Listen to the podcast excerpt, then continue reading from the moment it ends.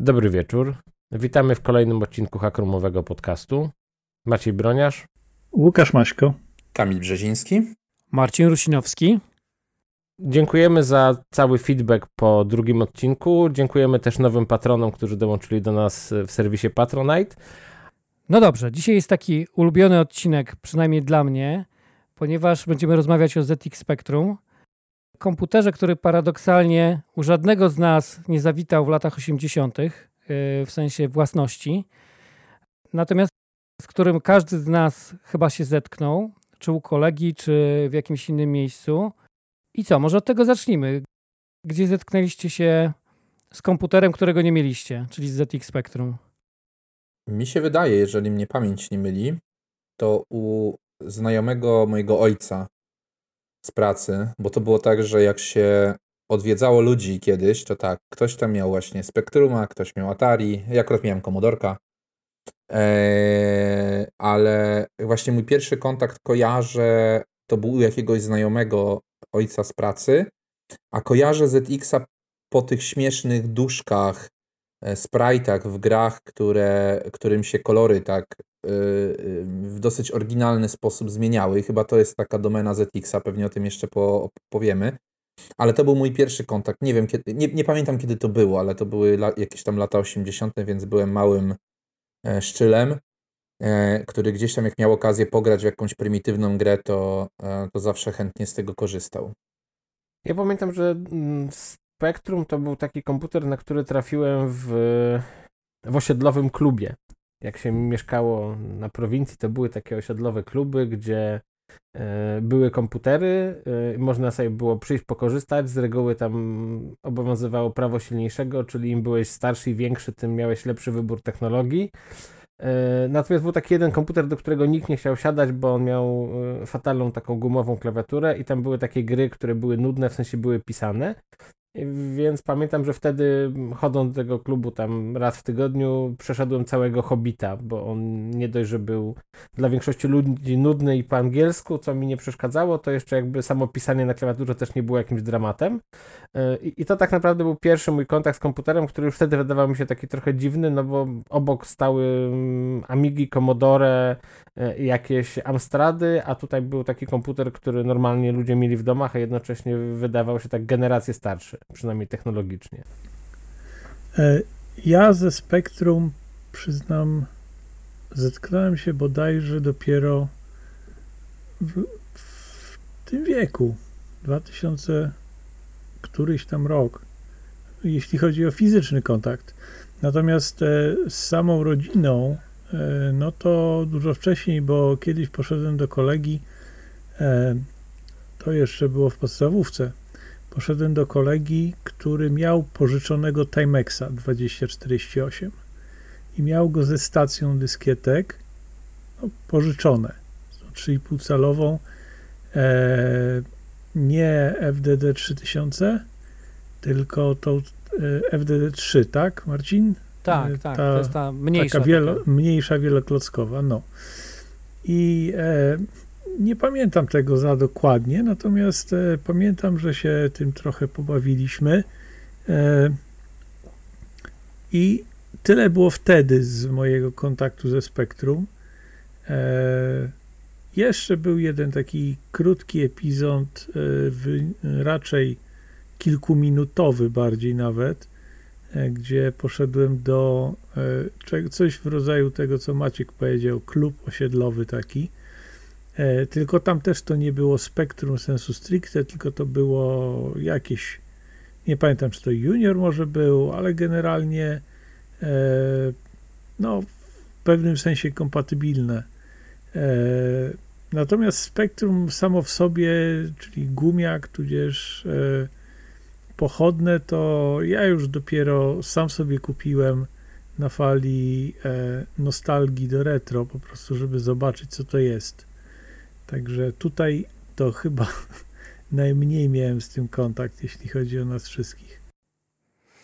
Ja y, jak dostałem Atari w 86 roku, to bardzo chciałem mieć Spektruma tak naprawdę, tylko mój tata stwierdził, że y, Spektrum to jest jakiś tam komputer taki mały, sprowadzany sprowadzane z Anglii, to jest jakiś tam rynek wtórny, czarny rynek w ogóle, to nie ma gwarancji i pani inżynier y, oczywiście miał rację pod tym względem, no i stanęło na Atari, ale na szczęście y, mój kolega y, mieszkający dwa bloki obok dostał z bratem Spektruma i to jest właśnie taki paradoks, że oni strasznie chcieli Atari, a ja chciałem wtedy Spektruma i na szczęście my się mogliśmy co pewien czas wymieniać, to znaczy na takiej zasadzie, że e, rodzice pozwalali, żebyśmy się tam na powiedzmy tydzień czy na dwa tygodnie wymienili tymi komputerami.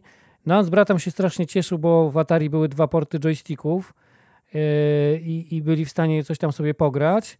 Natomiast ja się cieszyłem, że mogłem zagrać w końcu te gry, które były na listach Bajtka, bo jak wiadomo, na Atari tych gier nie było w większości. Więc, y, mm, ale walczyłem dzielnie na klawiaturze, tak? Bo z kolei, y, z kolei ci moi koledzy nie mieli w swoim spektrumie, oczywiście nie mieli żadnego interfejsu do, y, do joysticka i no, grali na klawiaturze, co, co było dużym wyzwaniem, tak? Natomiast ja wtedy zakochałem się właśnie, podobnie jak Maciek, w tekstówkach i, i przygodówkach, bo to były gry, których mi brakowało wtedy na Atari, przynajmniej no, Hobbita nie było. E, był Władca Pierścieni, przynajmniej, przynajmniej pierwsza część. E, I było jeszcze parę innych gier, które, które gdzieś tam bardzo fajnie e, fajnie wyglądały, tak? Pomimo tego, że to był tekst, to jeszcze były jakieś tam obrazki do tego i na spokojnie można było zagłębić się troszeczkę i w język angielski i no fajnie się też pobawić, tak? To nie było tylko strzelaj i idź dalej. Więc, więc to była fajna alternatywa do, do, do takich przeważających wtedy gier. E, natomiast później, e, oczywiście w pracowni szkolnej, mieliśmy Timexy w liceum.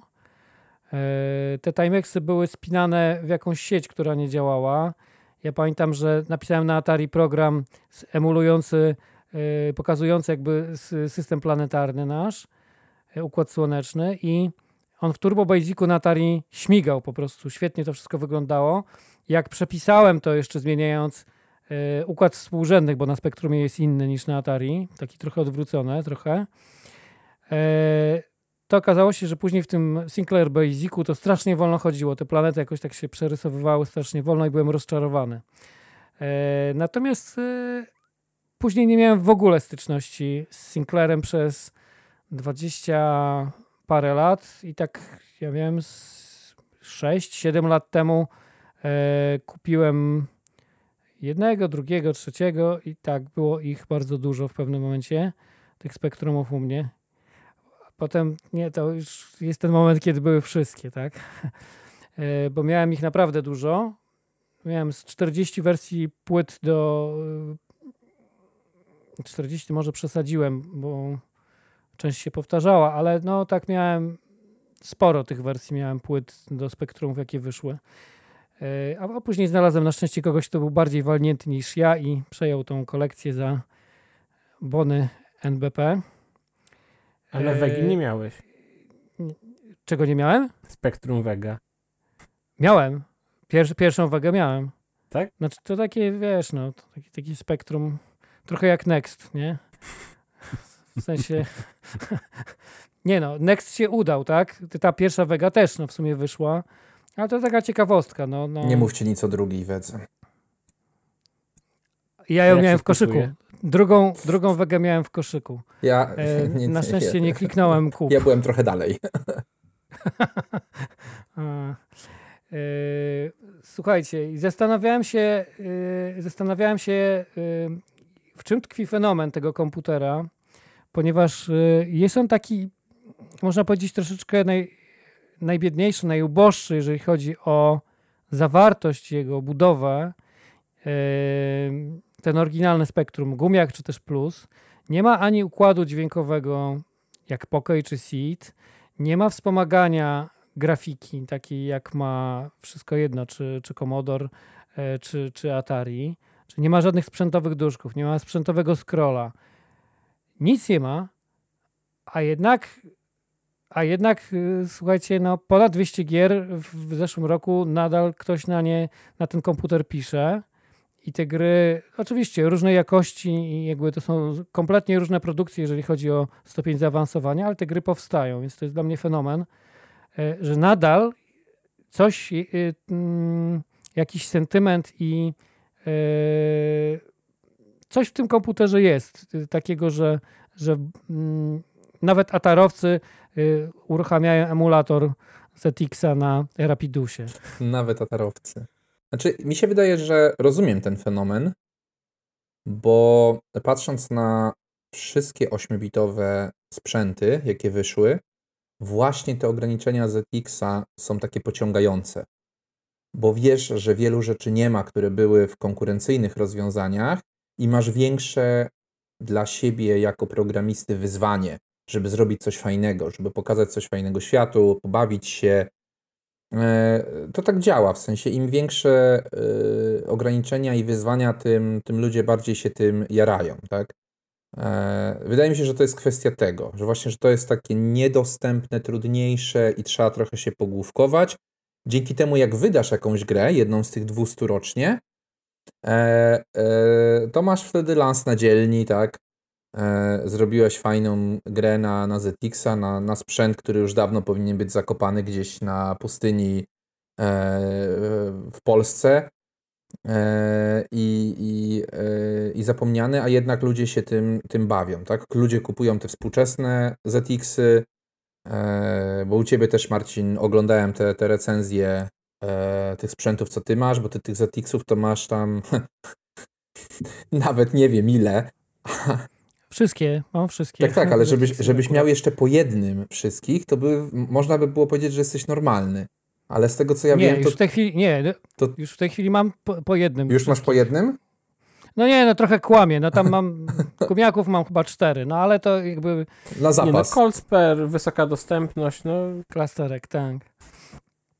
Znaczy, powiem wam tak, jakby yy, to jest komputer, który ma tyle ograniczeń, że tak naprawdę ten biedny procesor y, Z80A musi tam robić no prawie wszystko, tak? Natomiast y, natomiast y, no ludzie naprawdę wy, powyciskali z tego sporo rzeczy, których, których jakby nie przewidziano wcześniej, bo jakby te tryby takie pseudo-timexowe, czyli wyjście z color clasha, czyli tego ograniczenia siatki 32 na 24, gdzie siat, w takim kwadraciku 8 na 8 mamy tylko dwa kolory, tła i yy, piksela jakby rysowanego.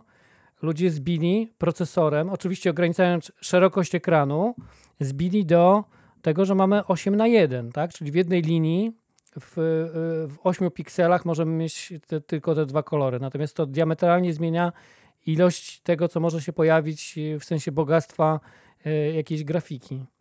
E, natomiast ten tryb Color Clasha to jest tak naprawdę high tryb, który Kamil znasz z, mm, z Commodora, bo tam jest dokładnie taki sam mhm. Color Clash. Przy 320 na 200 e, na 200 pikseli masz to ograniczenie, że 8 na 8 może mieć tylko dwa mhm, kolory. Mhm. Więc to jest jakby dokładnie to samo. I, i, i, I te gry, które są robione na taki właśnie Color Clash, czyli w większości to będą jakieś gry typu e, komnatówki, gdzie nie będzie scrolla i, i gdzie, gdzie yy, duża ilość jakichś detali ma się pojawić, no to wtedy jest to pakowane właśnie yy, w takim trybie high-resowym. Tu jakby yy, w Atari tego się tak nie da zrobić nawet, jeżeli chodzi o... Bo tutaj mogą być do, dowolne dwa kolory z tych, które są dostępne. W Atari ten tryb high-resowy z automatu wchodzi w luminancję tego samego koloru. E, więc nawet nie jesteśmy w stanie zrobić dwóch kolorów, jeżeli chodzi o tło i, e, i ten piksel rysowany, z tego co udało mi się zbadać i potwierdzić z paroma fachowcami. Natomiast fenomen, fenomen jakby Sinclaira był taki, że te komputery były cholernie tanie w stosunku do konkurencji. To jest jakby powiedzmy sobie szczerze, komputer, który kosztował 175 funtów, czyli dajmy na to, to jest 350 dolarów, dajmy na to, że to jest taki przelicznik, to jest połowa tego, co kosztował Commodore 64 na, na debiucie. Więc to są bardzo duże różnice jakby w pieniądzach do zapłacenia, tym bardziej, że te komputery za chwilę były dużo tańsze, tak? To nie było 175 funtów, tylko 130 funtów niecałe. Więc y, to było już coś przystępnego cenowo. I zwróćcie uwagę, że w 81 roku mamy ZX81, który ma 1 KB pamięci. Rozszerzenie pamięci kosztuje y, połowę wartości tego ZX-a, czyli tam około 50 funtów. A za chwilę mamy debiut komputera, który po pierwsze ma kolor, po drugie ma przynajmniej 16 kg pamięci, bo tak, tak miał, e, najuboższa wersja miała tyle. I ona za moment kosztowała tyle, ile kosztował ten ZX81, bo to było w przeciągu pół roku te ceny poszły w dół. Więc to była jakby rewolucja cenowa, jeżeli chodzi o dostępność. Druga rzecz to była taka, że ten komputer po prostu podłączało się do telewizora. Brało się dowolny magnetofon. Yy, tutaj nie było wymogu takiego jak w Commodore czy w Atari, że musisz mieć firmowy jakiś tam magnetofon. Po prostu wyjście magnetofonowe yy, o odpowiednim poziomie sygnału i to było wszystko, co, co ludzie potrzebowali. W większości mieli jakieś magnetofony. No to może my nie mieliśmy yy, wszyscy magnetofonów w Polsce w domach, natomiast no, Anglicy raczej mieli, dlatego, dlatego tak łatwo było sprzedać ZX Spectrum wtedy. Yy, to jest komputer, który przynajmniej te, ta pierwsza seria, czyli yy, Gumiak i, yy, i Plus, one nie mają wyjścia wideo poza RF-em, czyli wyjściem antenowym. Więc one były tylko i wyłącznie przeznaczone do podłączania do, do, do telewizorów, które ludzie mieli w domu. I tutaj wydaje mi się, że tutaj jakby tym kupił Sinclair e, łatwość podłączenia ZX-a i, i spopularyzował go. Te wszystkie inne komputery gdzieś tam były ograniczane przez, przez, yy, przez to, że chciano nam sprzedać magnetofon, że stacje dysków yy, i nie było takiej taniej alternatywy, a tutaj była po prostu.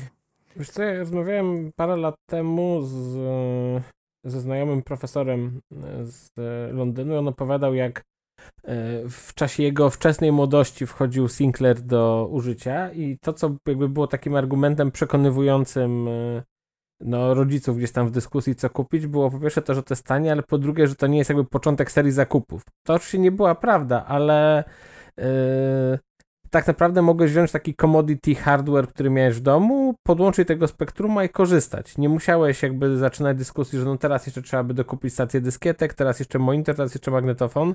Yy, I ta taka nawet nie tyle otwartość systemu, co kompatybilność z takim sprzętem, który po prostu był dostępny, robiła swoje a jednocześnie to, że faktycznie Sinclair Research tak bardzo schodził z ceny jak oglądasz sobie te wszystkie rzeczy, które tam są w środku zrobione, yy, które czasami wydają się głupie, no to, że w ZX 80 nie ma wentylatora, tylko znaczy te, otworów tych wentylacyjnych, tylko one są tak naprawdę namalowane, to, że nie ma pod spodem RF Shielda, tylko on jest taką farbą srebrną zrobiony, no to są oczywiście takie, ja zawsze lubię takie argumenty dyskusji, jak to są takie mikrooptymalizacje, to tam kosztowałoby 2-3 funty.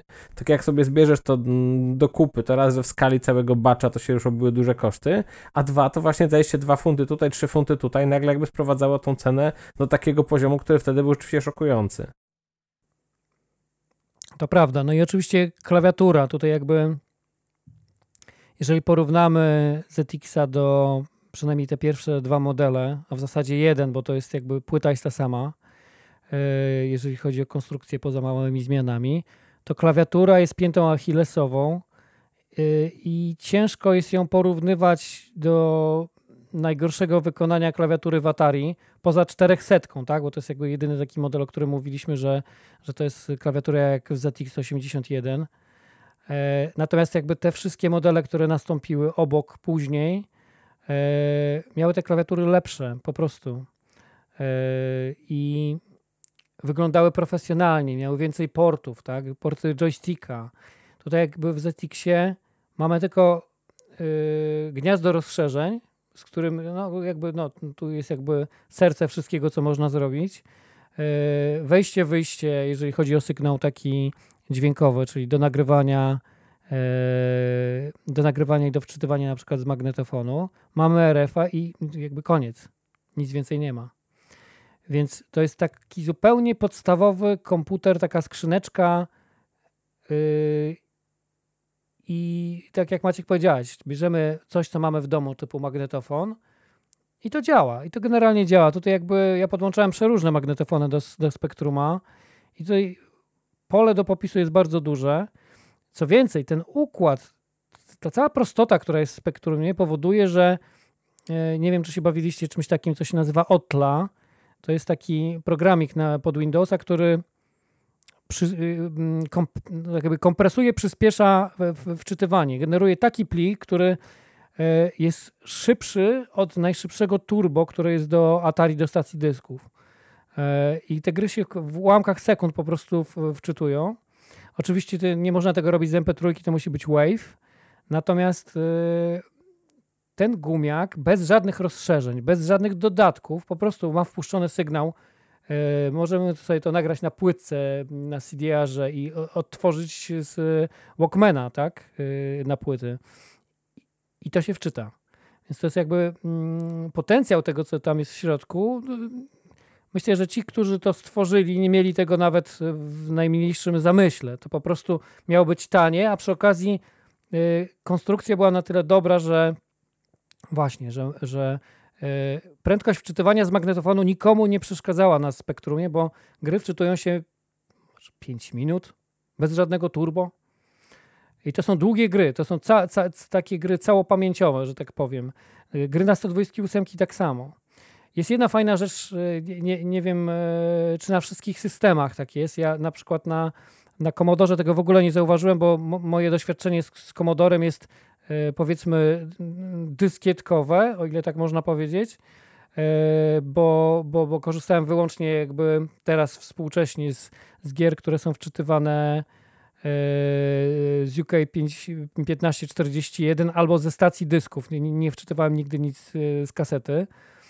No w każdym razie nie rzuciły mi się w oczy loading screeny, które są taką chyba wizytówką ZX-a że najpierw otrzymywaliśmy kolorowy obrazek z jakąś fajną grafiką i to umilało nam ten czas wczytywania. I ten obrazek paradoksalnie, on zajmuje 7 kilo, czyli no, znaczną część pamięci spektruma, a dawał naprawdę wiele radochy i było rozczarowanie, jak nie było takiego obrazka przy wczytywaniu, powiem wam szczerze.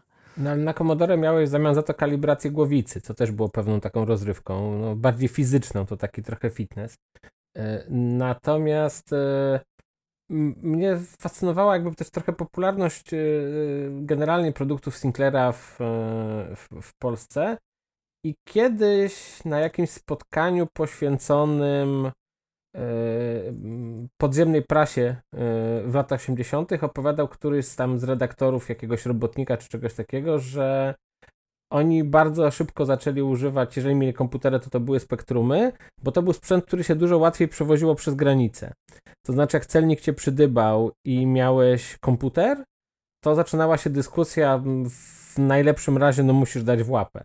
Natomiast jak przywoziłeś takie y, homemade kity, y, tak naprawdę elektroniki do złożenia, to większość gości w ogóle na to nie zwracała uwagi, machała na to ręką i, y, i tak naprawdę to nie było jakby interesujące, więc to się dużo prościej dawało nielegalnie przewozić przez granicę. W ogóle nigdy na to nie patrzyłem, dopiero ktoś mi to uświadomił, że to w tą stronę działało. Natomiast druga rzecz, która akurat w Wielkiej Brytanii moim zdaniem wpłynęła na popularność Sinclaira jest też to, że oni bardzo szybko zdominowali rynek e, jakby nie tylko domowy, ale też zaczęli współpracować e, pod kątem badawczym z, e, po prostu z rządem. Oni w ogóle dostali jakoś na początku lat 80. jakiś gigantyczny, jak na tamte czasy, grant na wytworzenie płaskich ekranów. Bo to była taka wizja Sinclaira, że ekrany powinny być płaskie, bo komputery muszą być mniejsze, więc ten wielki ekran kineskopowy docelowo nie będzie miał sensu. I oni rzeczywiście jakby w tym robiąc ten research, mieli też masę kasy na testowanie różnych koncepcji, które potem do tych komputerów wchodziły, co powodowało, że one po prostu były tańsze, łatwiejsze do, do sprzedania. I mam wrażenie, że to rzeczywiście stoi po części za, za komercyjnym sukcesem tych rozwiązań. To yy, projekt QL, który zaczął się gdzieś tam w 1981 roku, zakładał właśnie zrobienie yy, bardziej rozwiniętej wersji tego, co wypuszczono jako ZX Spectrum i to miał być przenośna, przenośny komputer, laptop.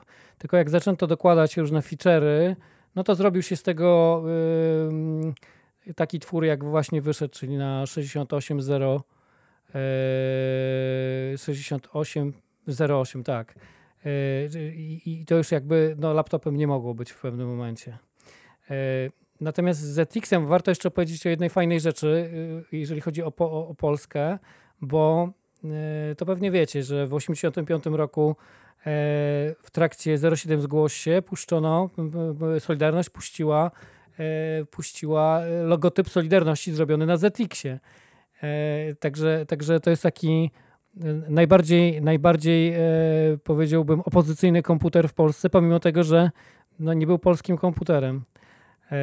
Także, także taki, taka fajna ciekawostka. Wydaje mi się, że coś, coś musimy chyba, coś musimy troszeczkę powiedzieć o tym, yy, jakie w ogóle ZX-y były, bo, bo ich było trochę. Część z nich, pomimo tego, że wygląda fajniej, jest taką troszeczkę pułapką. Yy, jest tak, generalnie z pierwszej serii były, były to jakby dwa komputery. Yy, dwa komputery, jeżeli chodzi o zawartość, czyli był ZX z pamięcią 16 kg i drugi rozszerzony o 32 kg, czyli miał 48 kg. To są te same płyty główne, je można rozszerzyć, czyli jakby ktoś trafi 16-kilowego ZX-a, no to może sobie z niego zrobić taką pełną wersję. A e, czekaj, czekaj, czekaj. Issue 1 no. nie było po prostu 16-kilowe? E, było 16-kilowe i była płytka wpinana 32 kg. A, ale to była płytka osobna wpinana. Bo... Wiesz co, y, tam były takie sloty przewidziane, y, dwa na, na piny i wpinałeś taką płytkę, yy, wiesz, no, okay, bo ja wielko, kojarzę... wielkości sneakersa, powiedzmy, jeżeli chodzi o powierzchnię. Kojarzę I... po prostu zdjęcia, na których jest tylko pamięć podstawowa, e, ta niska, natomiast nie było miejsca na, w sensie nie było Na płycie nie było miejsca, to była płycie, dodatkowa tak. płytka nakładana na wierzch, no, dokładnie. E, w wersji drugiej dopiero jakby zaczęto robić e, podstawki do, do rozszerzeń, tak? Przeprojektowano trochę płytę. Więc w ogóle tych wersji płyt y, pierwszych ZX-ów jest sporo, bo, bo 7 czy 8 samych wersji rewizji płyt, natomiast one jeszcze występują w różnych modyfikacjach, więc to można zwariować. Ja jak zacząłem to zbierać, to mi się zrobiło właśnie tam około 40 komputerów w sumie. Y, natomiast co, co jest istotne, następna wersja komputera, która była, czyli ZX Spectrum Plus, to jest to samo, co wyszło wcześniej, tylko w innej obudowie z inną klawiaturą. Natomiast płyta jest ta sama, funkcjonalność jest ta sama. I, i jedna tylko jest taka rzecz, że te komputery nie były, yy, nie były sprzedawane z mniejszą pamięcią niż 48 kg. Te, które się trafiają, to są tak zwane upgraded, czyli była możliwość kupienia, zamówienia od Sinclaira samej obudowy. No i ktoś mógł sobie wymienić jakby z, z tej gumiakowej E, tej pierwszej wersji obudowy, przełożyć płytę i to mu działało jakby bez problemu w tej wersji e, plusowej tak zwanej. Ta wersja plusowa to jest taka ciekawostka, bo e, tak naprawdę rok nieszczęścia, czyli 1984, kiedy Sinclair ogłasza najpierw QL-a, nie jest w stanie go wyprodukować, on ma opóźnienia tam po 9 miesięcy, zanim się pojawia w sklepach i generalnie wszyscy są na niego wkurzeni i wpada na y, jeszcze gorszy pomysł, jak można sobie dokopać wizerunkowo, czyli wypuszcza plusa, który tak naprawdę nie wnosi nic, y, jeżeli chodzi o konstrukcję, poza zmianą obudowy. No i wpada oczywiście y, końcowo w tarapaty finansowe pod koniec roku, ponieważ yy, sieci dystrybucyjne, czyli domy takie towarowe duże, które wtedy jakby napędzały sprzedaż, mówią hola, nie będziemy od ciebie brali tego samego, co sprzedawałeś nam dwa lata temu. Y, I Sinclair zostaje, że tak powiem, z dużą ilością obudów, klawiatur, obudów, klawiatur i e, komputerów, z którymi nie ma co zrobić. To był jego duży problem, jeżeli chodzi o rok 84. Zamrożone pieniądze, a zamrożone dosyć brutalnie jeszcze po wydaniu miliona funtów na bardzo dużą kampanię, którą zrobił od połowy 83 roku i Sinclair zaczyna mieć naprawdę problemy finansowe. I te problemy finansowe doprowadzają go do tego, że następny model Sinclaira powstaje tak naprawdę. Tutaj są takie dwie historie, które są bardzo e, dyskusyjne. Anglicy twierdzą, że Derby, czyli Tostrack, model 128K, powstał powstał w Sinclair Research, czyli jakby w matce Sinclairze. Natomiast jest druga, druga strona medalu, czyli Investronika. Investronika to jest, jeżeli ktoś był w Hiszpanii, El Corte Inglés. Jest taka sieć, sieć domów towarowych i ona była właścicielem, czy nadal jest właścicielem Inwestroniki, bo może ta firma nadal istnieje. I oni sprzedawali zlokalizowane wersje Sinclaira z y, hiszpańskim alfabetem, hiszpańską klawiaturą, y, komunikaty po hiszpańsku. I w 1985 roku wychodzi w Hiszpanii taka ustawa, która nakłada dodatkowy podatek na sprzedawane komputery, które mają 64 kilo albo mniej pamięci. Słuchajcie, no fenomen jakby na Europę. Nałożyli sobie podatek, że komputery o słabszej wydajności, y, takiej, no, no chociażby o słabszych parametrach, czyli e, mniejszej ilości pamięci oraz nie mające języka hiszpańskiego oraz komunikatów w języku hiszpańskim będą dodatkowo opodatkowane. No i tak, to wyklucza jakby sprzedaż w ogóle yy, znowu modelu takiego okrojonego, jak miał Sinclair. I yy, z tego, co czytałem, yy, kilka wywiadów takich z ludźmi związanymi z Inwestroniką, Inwestronika wyłożyła pieniądze dwóch ludzi, którzy pracowało e, w Sinclair Research, odeszło wtedy e, w tym samym czasie z e, Sinclaira. I oni opracowywali ROM oraz taką tą pierwszą wersję Tostraka, tego oryginalnego, który pojawił się w sierpniu 85 roku i on się pojawił nie w Anglii, tylko pojawił się w Hiszpanii.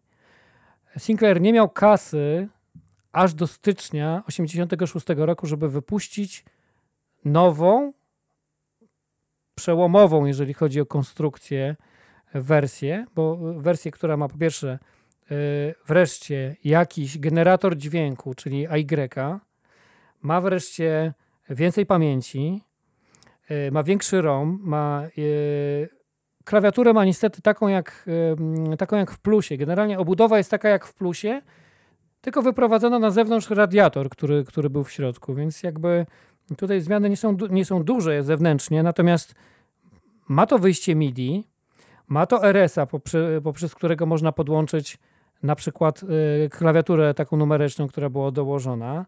Ma wreszcie wyjście RGB, czyli takie no całkiem porządne wyjście, jeżeli chodzi o obraz. I co ma jeszcze konstrukcyjnie, taka, taka ciekawostka. Ma Shadow RAM, czyli możemy y, przełączać sobie jakby takie dwa obszary pamięci, w, którym, w których coś sobie narysujemy i przy, y, jak przełączymy sobie ten obszar pamięci, no to nie, nie, widać jakby efektu rysowania, tak? Narysowaliśmy sobie coś na jednym ekranie, przełączyliśmy się na drugi, na tamtym coś narysowaliśmy. Można w ten sposób robić y, proste animacje i oszukiwać troszeczkę możliwości jeżeli komputera, jeżeli chodzi o animację. No double buffer po prostu. Taki, no takie buforowanie, tak, tak. I to jest komputer, który wychodzi w styczniu, który ma premierę w styczniu 86 roku. I on wychodzi, żeby było śmieszniej, bez tej klawiatury numerycznej, która była w zestawie z, tym, e, z tą wersją hiszpańską. I to jest taki łabędzi śpiew Sinclaira Sinclaira. To jest ostatni komputer, który e, został jakby sygnowany przez Sinclaira przed jego sprzedażą, która nastąpiła za kilka miesięcy, a kupił Sinclaira Amstrad, jak wiemy. I Am Amstradowi zawdzięczamy y, trzy modele, yy, takie bardziej rozbudowane, bo, bo rozbudowane, wbudowany magnetofon albo stację dysków. I to są ostatnie trzy modele, na które mają jeszcze napisane, że to jest Sinclair, chociaż my wiemy, że to już jest Amstrad. Yy, I słuchajcie, yy, Jeden tylko z tych modeli jest takim modelem bezpiecznym, czyli tak zwany szarak. To jest pierwsza wersja, która wyszła, Spectrum e, ZX Spectrum 128 plus 2. Szara, szara obudowa, wbudowany magnetofon. Czemu on jest bezpieczny? Ponieważ on jest kompatybilny na poziomie uli i portów wszystkich z Tostrakiem i tymi poprzednimi spektrumami. Następne wersje, dwie, które są w czarnych obudowach, niestety brakuje już mi paru sygnałów e, i nie działają w zasadzie w większości interfejsy takie jak stacje dysków, które były typu Opus, przeróżne interfejsy typu Interface One, ten do microdrive'ów i to są takie modele trochę oderwane, ale są takie też płytki, tak zwane fixery, które coś tam naprawiają i rzeczywiście można to podłączać, natomiast to się robi taka zabawa, troszeczkę wzgadywanie, czy to, czy to pójdzie, czy nie pójdzie. No, yy, dość, dość, że tych modeli wyszło, wyszło za, za czasów Amstrada 3. Jest jeden ze stacją dysków, to jest plus trójka. Yy, ciekawy model, aczkolwiek no, dyskietki bardzo niepopularne. Ludzie bardzo często wymieniali te stacje na 3,5 celowe, albo przynajmniej dokładali drugą stację 3,5 calową e, jeszcze w latach 90., jak to używali. I, I na tym się skończył Sinclair. To jest 87 rok. Nie było później żadnego y, wielkiego powrotu, aż, y, aż ktoś postanowił zrobić trochę pieniędzy na, na fanach Sinclaira i pojawiła się y, ZX Vega, taka mała konsolka, która miała 1000 gier, podłączało się ją do telewizora na długim kablu kompozytowym i była zasilana z portu USB. A to jest jakby taki no emulator na zasadzie jak Raspberry Pi. W środku, w środku jest po, prostu odpalony na małym, na małym procesorku yy, emulatorek i tak to działa.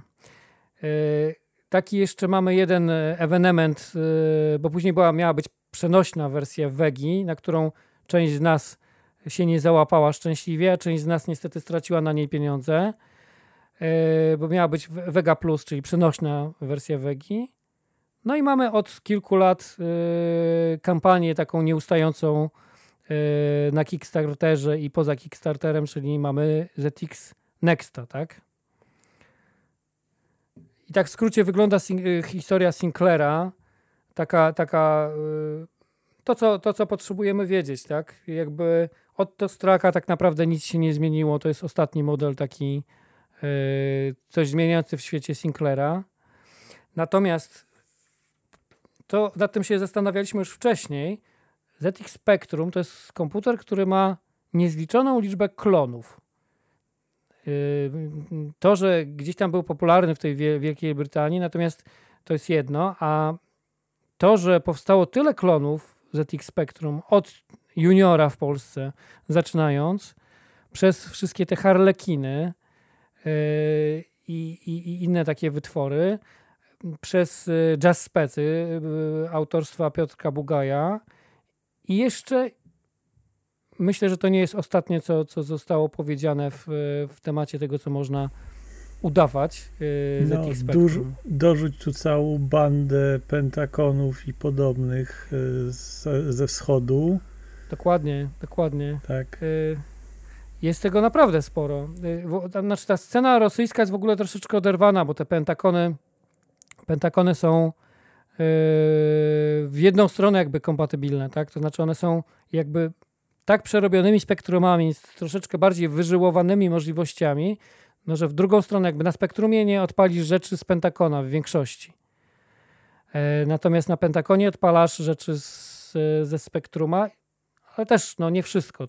To, to są klony, które jakby wyrwały się spod kontroli i zaczęły żyć swoim życiem. Ewolucja. Ewolucja, dokładnie.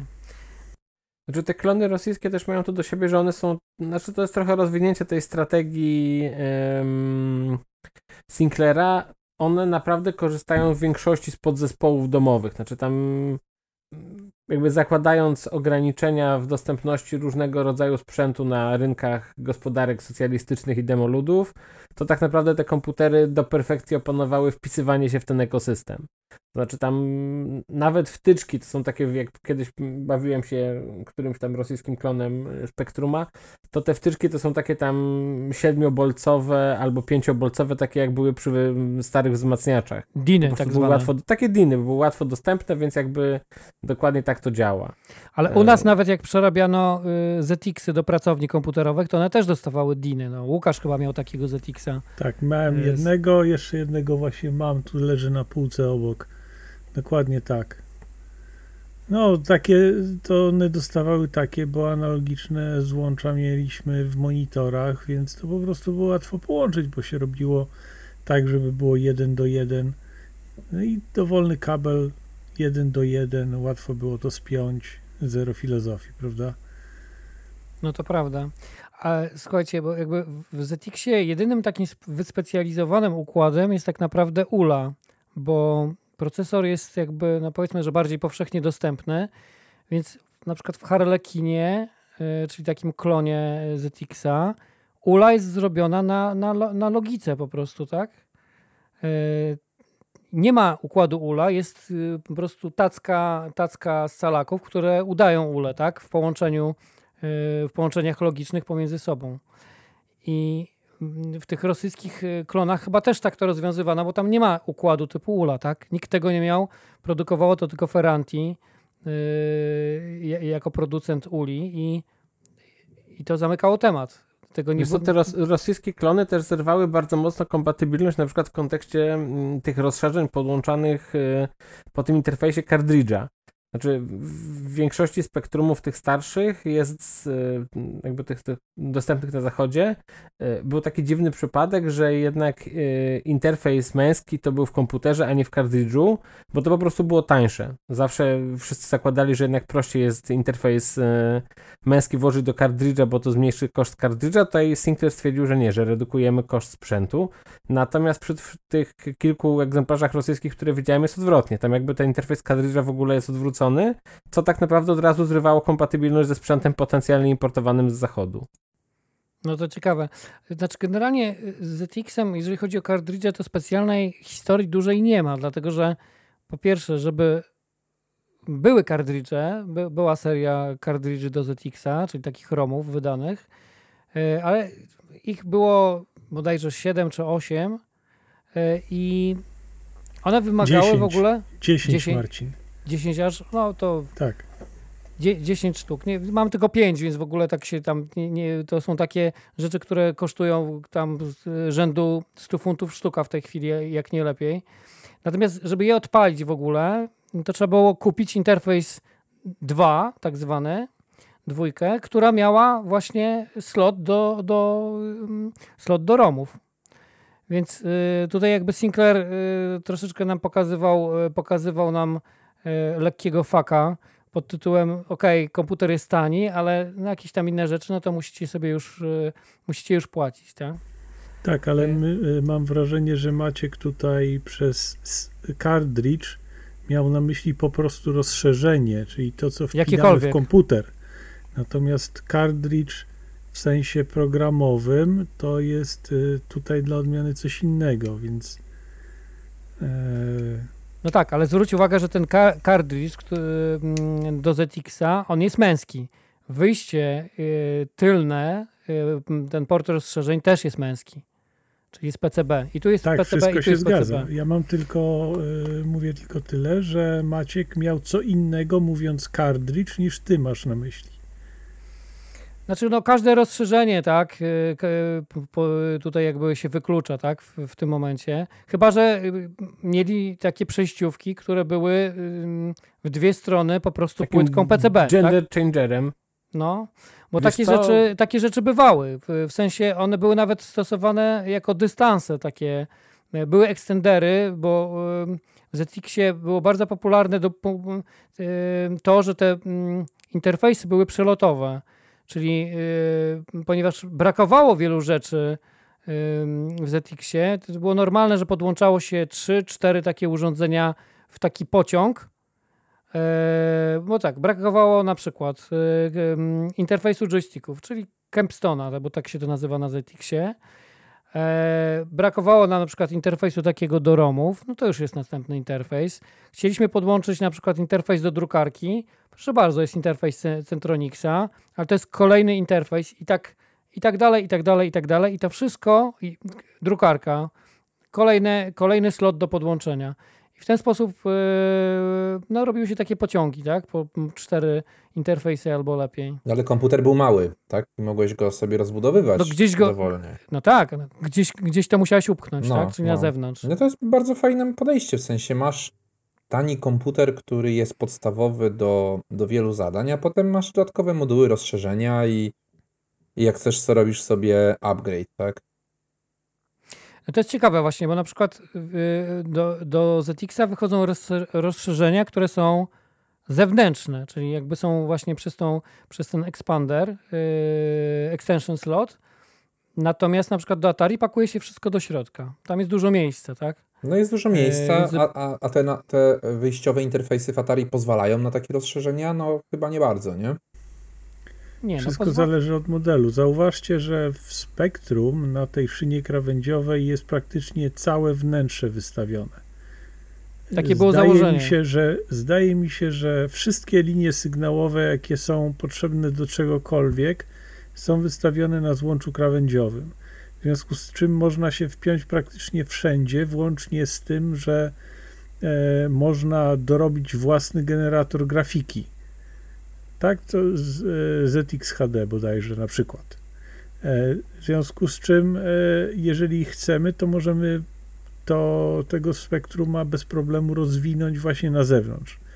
W Atari e, na złączu, na złączu zewnętrznym, to przede wszystkim na złączu równoległym w XL-u czy na ECI w XE, bo sam, samo złącze kartridża jest zbyt ubogie, nie ma tych wszystkich sygnałów, które by były potrzebne do tego, żeby efektywnie rozbudować komputer. E, Także tutaj się aż tak dużo nie da zrobić. No i na filozofię, tak? Jakby w Atari masz dużo rzeczy już jakby w środku, tak? Więc jakby nie ma aż takiej potrzeby, żeby to podłączać od zewnątrz.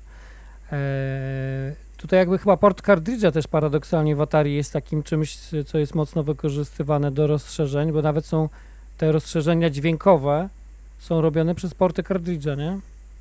No, to jest robione po prostu na zasadzie urządzenia, którym się komunikujesz przez port, ale rozumiany w sensie programowym, tak? Nie port fizyczny, tylko port programowy, czyli zapis pod konkretny adres pamięci to jest zapis do tego urządzenia. Wystarczy sobie określić pewne adresy e, do takich celów i wtedy nie ma problemu. To i w Atari można tak coś podpiąć i w Commodore w dowolnym, w dowolnym urządzeniu, w dowolnym komputerze, który e, wystawia szynę adresową na zewnątrz w jakiś sposób.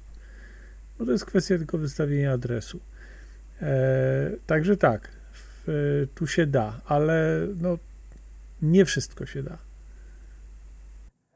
Słuchajcie, yy, no dobrze. Yy, nośniki, nośniki do ZX-a to są w większości kasety.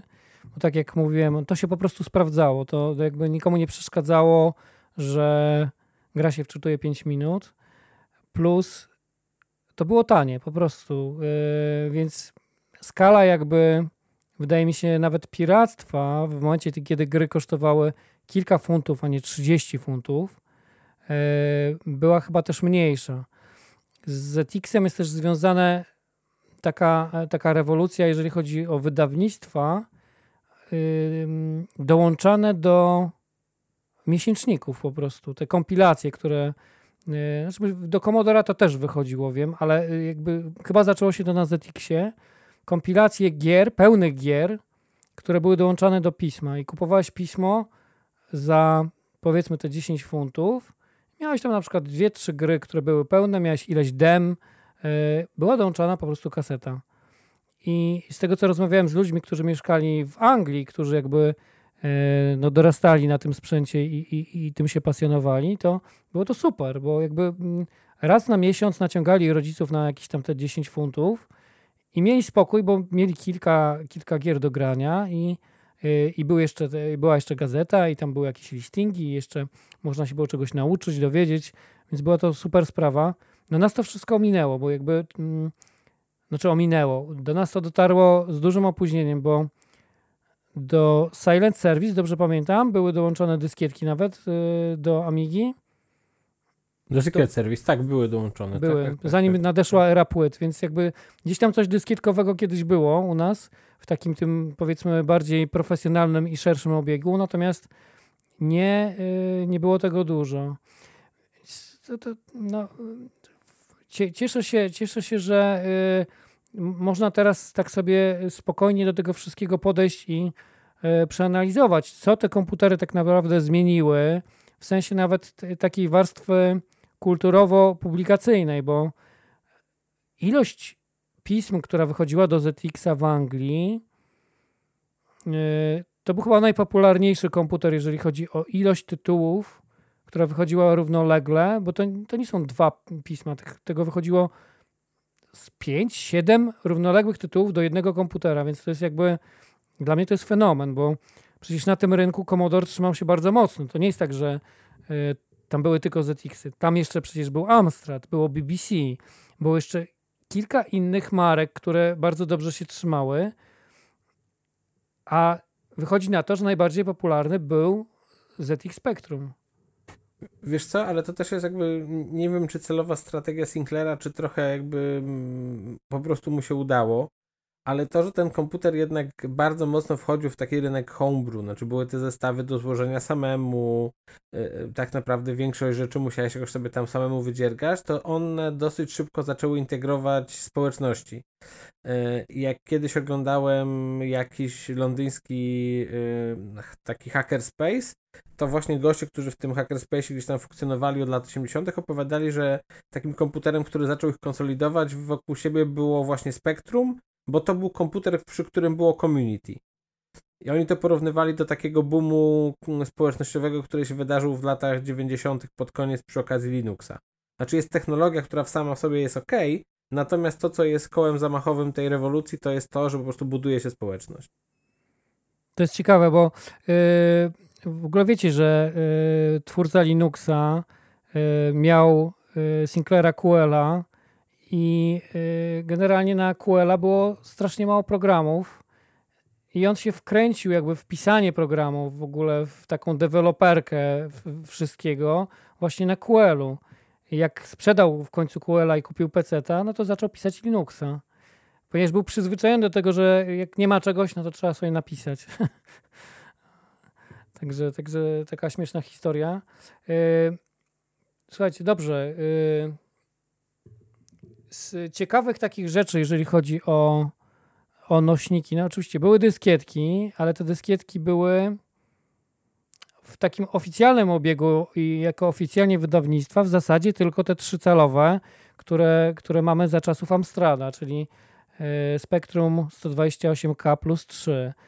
Na inne jakby formaty dyskietek ja się nie dokopałem do żadnych takich oryginałów e, wydawanych i dystrybuowanych, czyli to, co było wcześniej tak naprawdę, czyli stacja Opusa, Opus Discovery tak zwane, to, było, to była stacja typowo użytkowa, czyli ludzie yy, kupowali sobie taką stację, żeby po prostu mieć szybki nośnik, yy, a nie kupowali na tym żadnych oryginalnych programów, bo ich nie było de facto. Yy, wcześniej mieliśmy mikrodrive'y, znaczy my mieliśmy. My, były mikrodrive'y, czyli takie małe kasetki, jedna szósta, jedna ósma kasety magnetofonowej wielkościowo y, z zapętloną, tak jak wstęga Mobiusa, taśmą w środku, czyli kręcąca się w nieskończoność, mająca gdzieś tam 80 kg pojemności y, przy dobrych wiatrach, bo ona się zmniejszała wraz z rozciąganiem się tej taśmy.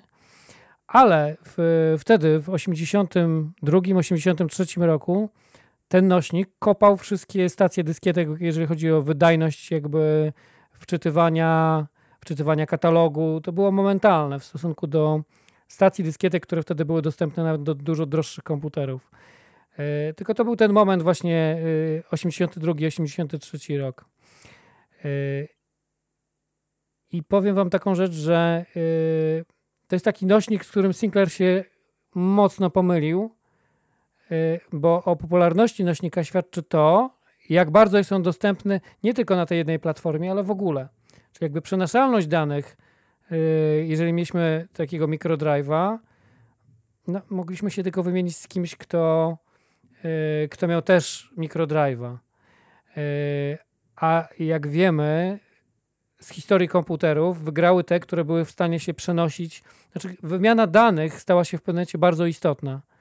I nie bez przyczyny jakby format PC-towy, jeżeli chodzi o dyskietki, yy, zaczął być obsługiwany na komputerach też yy, innej, innych firm, tak? Czyli na Amidze, na Atari ST, na Apple'u.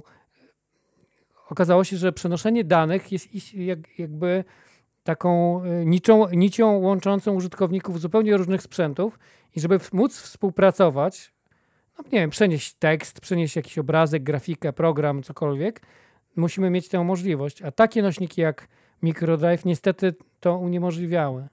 To była taka trochę ślepa furtka Sinclaira, tak mi się wydaje.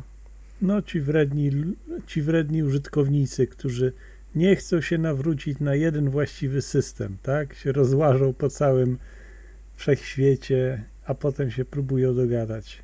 Wieża Babel nośników. Wieża Babel nośników, to prawda. Na, na Spectrum było w ogóle kilka takich dziwnych w ogóle nośników. Y, było coś takiego jak Wafa Drive, nie wiem czy słyszeliście.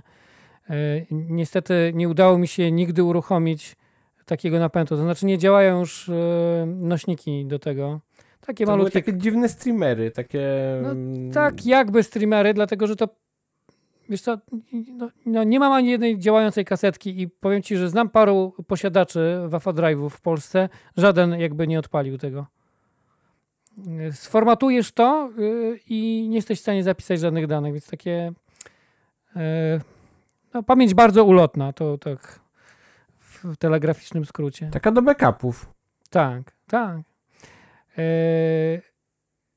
Słuchajcie, co, co z takich jeszcze ciekawych rzeczy, co, co, co było możliwe na ZX-ie?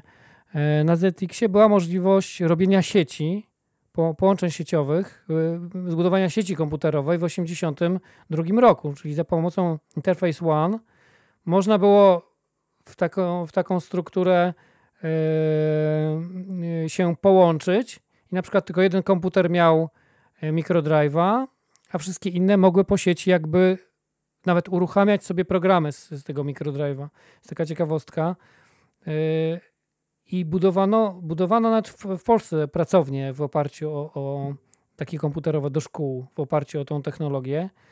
Działało to dużo lepiej niż te yy, w oparciu o Meritum i o Elvro Junior, z tego co przynajmniej ja zaobserwowałem jako użytkownik taki nastoletni bo, bo byłem w dwóch albo trzech szkołach, u, jakby byłem u, u, znajomych w szkole, pokazywano mi też pracownię i, i tam to też działało. Y, u nas na Timexach było, było coś podobnego zbudowane e, i no powiem wam, że jak na y, jakiś tam początek lat 90., no to robiło to wrażenie, tak? Że jest y, komputer nauczyciela, który, z którego można coś tam odtworzyć na inne ekrany i jakby no, była to, była to fajna rzecz.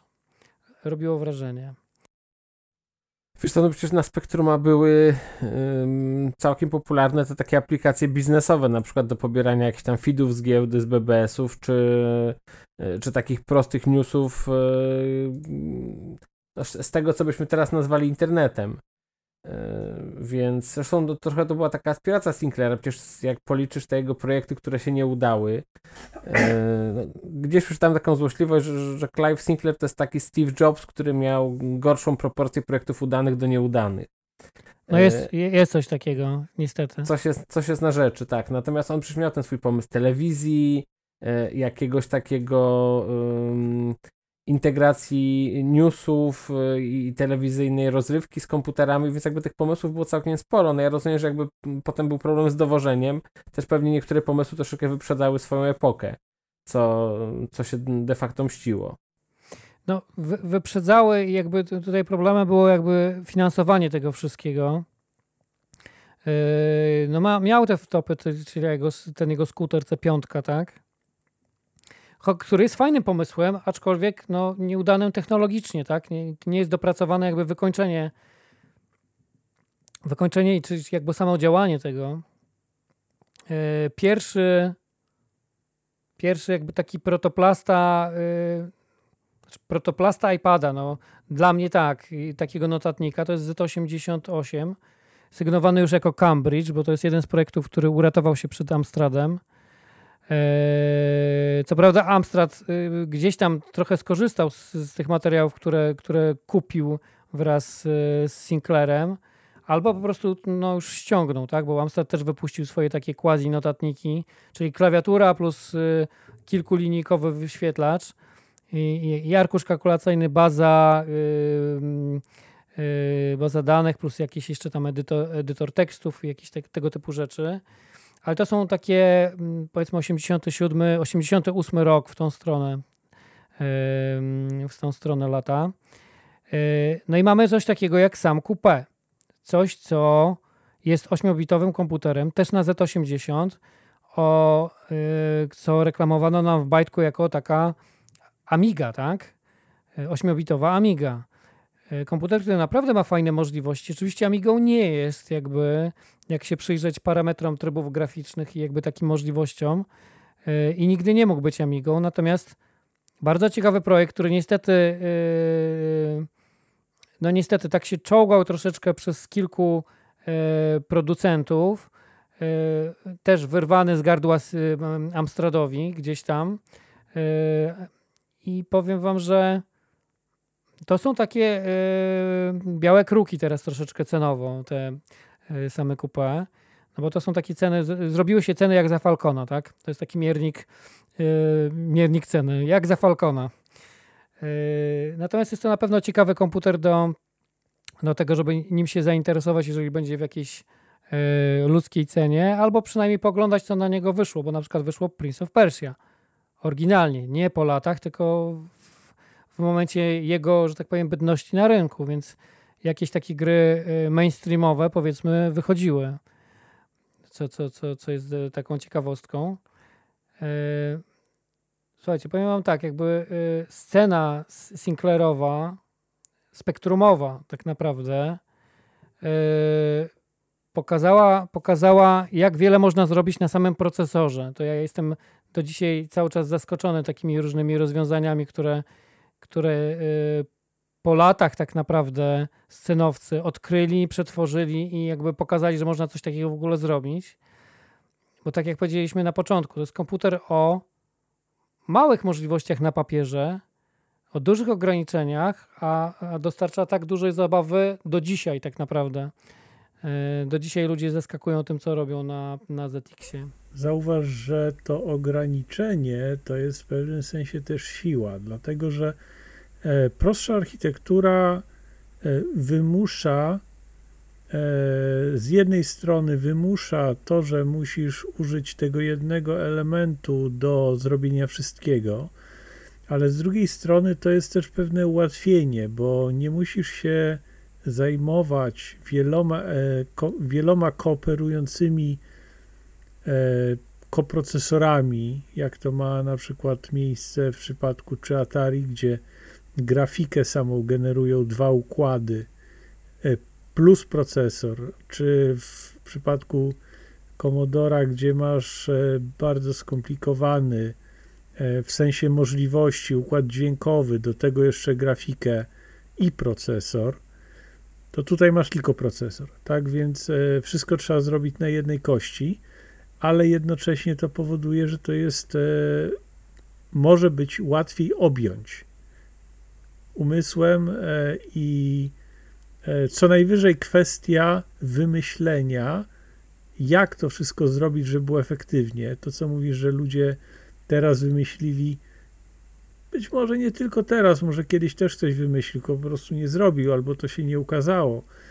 E, natomiast, e, no, to jest troszkę inne podejście. To jest podejście, do, to jest takie same podejście, taka sama różnica jak pomiędzy w pewnym sensie programowaniem równoległym, a programowaniem sekwencyjnym, gdzie musisz albo pewne rzeczy zrobić po kolei, w określonej kolejności, w taki sposób, żeby to miało ręce i nogi, albo zaprząc do tego równolegle różne e, e, komponenty, tylko je trzeba ze sobą pogodzić.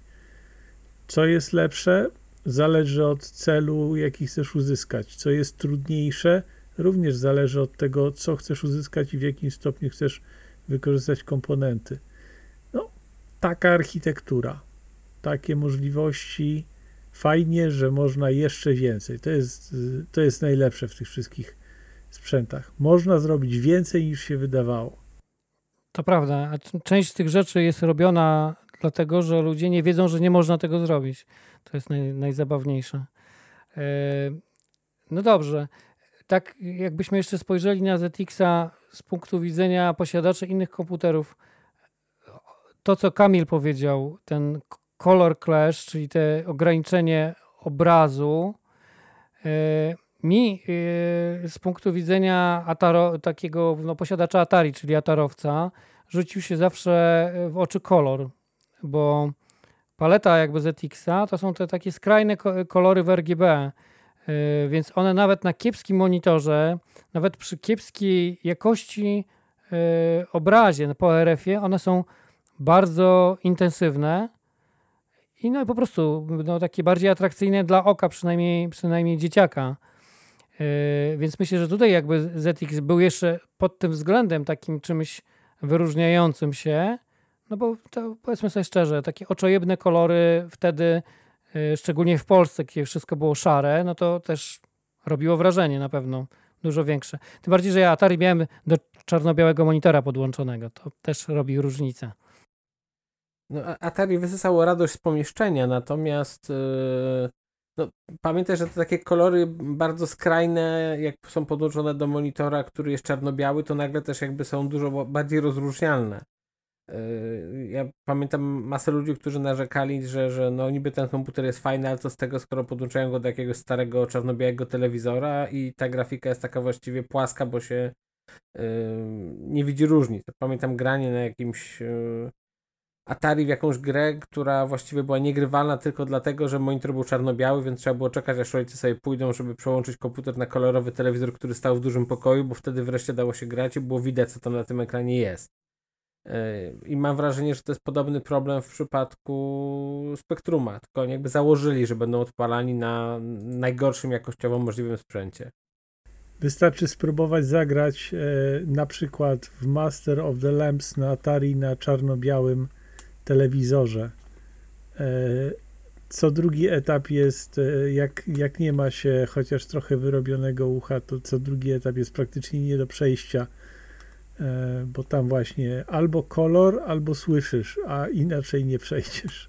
Ja zrobię teraz dygresję. Była taka gra przygodowa, nazywała się Vida Interactive Girls. Nieważne o co chodziło, to można z nazwy wywnioskować, tam trzeba było klikać w konkretne miejsca i ją się bardzo łatwo przechodziło na czarno-białych monitorach, bo wtedy te konkretne miejsca do kliknięcia były podświetlone. Więc taki hardware hacking w grach przygodowych. Brutalny Ale... cheating. Dziewczyny oszukiwałeś nawet. No, a teraz w komputerze. Robię,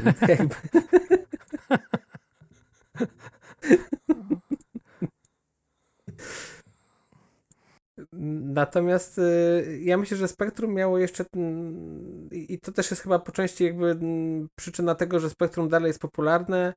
Y, ono ma w sobie to coś, to jest jakby ciężko definiowalne, natomiast ono rzeczywiście y, jakby swoim charakterem, ale też taką unikalnością, jednak odróżnialnością od wszystkiego innego, co wtedy było na rynku, powoduje, że jakby nie da się go z niczym pomylić. Jak, jak jednak popatrzymy na te wszystkie komputery z tamtej epoki, to one wbrew pozorom są dosyć zbliżone i podobne do siebie. Yy, bardzo często zresztą celowo. Natomiast spektrum ewidentnie się wyróżniało i ono było charakterystyczne od początku. To prawda, to prawda. No był to taki ma malutki, malutki komputerek yy, z dużym sercem, jak się okazało. Yy, słuchajcie, to jest właśnie też ciekawe, bo yy, Procesor, procesor w Spektrumie to jest 3,5 MHz Zilog, e, a e, te Motorola, które są w Atari, e, Apple'u i Commodore, one tam są w okolicach 1 MHz. Dobrze mówię, Łukasz? Atari ma 1,7 MHz, a Commodore ma 1 MHz. O, około powiedzmy. No, ale to, no, ale to generalnie, no tak czy siak, jest to, jest to yy, licząc do Atari, to jest to dwukrotne, prawda? E, jeżeli chodzi o, o prędkość taką zegarową przynajmniej. Tak, tylko że to trzeba jeszcze pamiętać o kilku dodatkach. Sam zegar nic nie robi. Trzeba było popatrzeć na to, ile cykli zabierają rozkazy, ile cykli trzeba na dostęp do pamięci. E, ja tego nie wiem w tej chwili, natomiast pamiętajmy, że to same megaherce nic nie znaczą. To prawda, Zilog jest więcej jakby y, stanożerny, tak? Przecież ja, o, o, ile pamiętam, to dokładnie ten sam procesor, który jest w Spectrumie, jest też w SVI 738 Express, czyli w MSX-ie, tym takim 1,5 nazwijmy to. Oczywiście, w, ka w każdym MSX-ie aż do, aż do tej wersji ostatniej, tak? E, czyli w dwójce i w 2 Plus też są, też są zilogi i to też jakby z, tak samo taktowane. Tak, tak jakby tych komputerów było, e, tych komputerów było więcej na, na, na zilogu i jakby e, no chociażby Amstrad, tak? Taki najbardziej europejski nasz pobratymiec Spektruma. Natomiast dużo mniej popularny, jeżeli chodzi, o, jeżeli chodzi o ilość sprzedanych egzemplarzy. No bo też wyszedł z dosyć e, dużym falstartem w stosunku do reszty, bo 84 rok to jest to już jest po zawodach, jeżeli chodzi o 8-bitowe, żeby wchodzić i budować e, jakiś rynek komputerów. I to, to jakby Amstrad. No tak, to w, w zasadzie poza krajami demoludów to już jesteś. Tak, spalony. dokładnie. E, no dobrze, panowie. Może po, po jeszcze opowiedzmy troszeczkę o tym, co warto do Spektruma kupić bo pierwsza zasadnicza rzecz to jest taka, że jeżeli kupimy gumiaka albo plusa, no to jeżeli mamy go w stanie oryginalnym, to mamy wyłącznie wyjście RF-owe, czyli antenowe, czyli podłączymy, podłączymy taki komputer wyłącznie do telewizora albo monitora z tunerem telewizyjnym.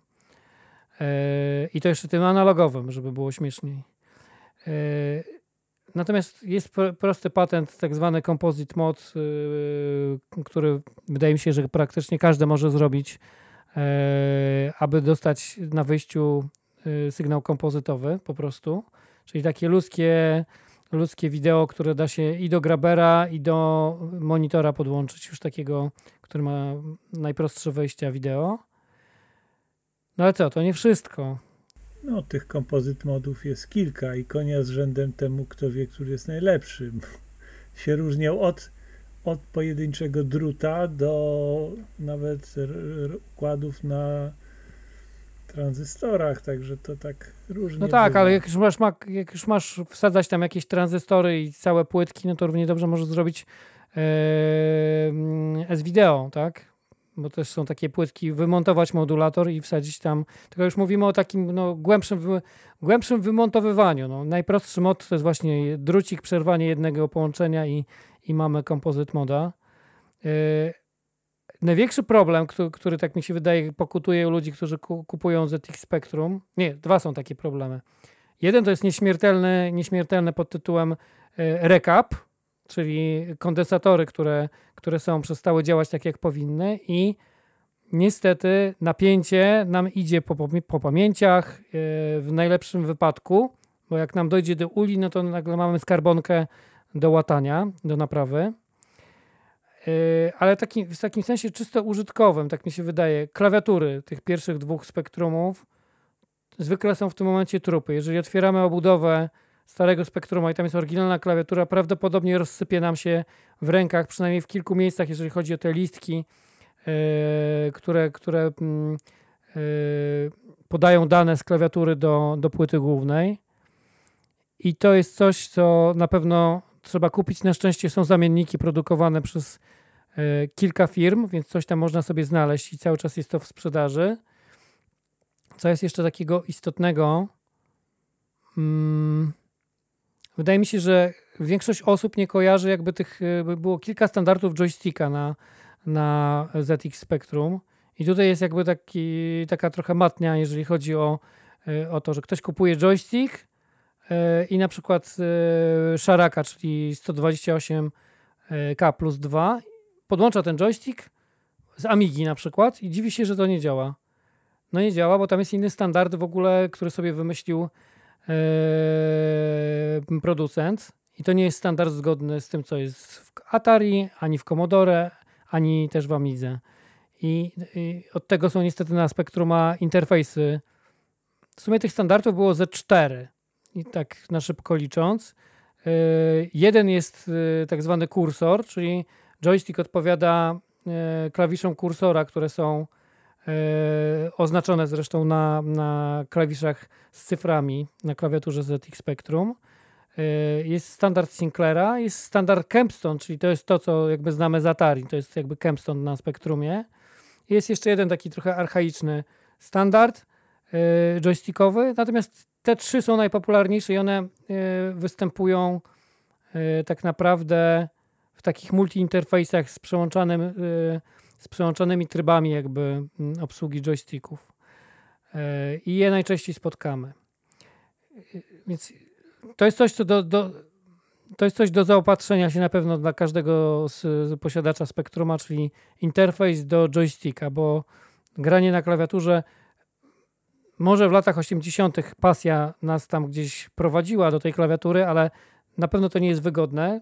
Yy, szczególnie jeżeli ta klawiatura jest w stanie oryginalnym, czyli działa albo nie działa.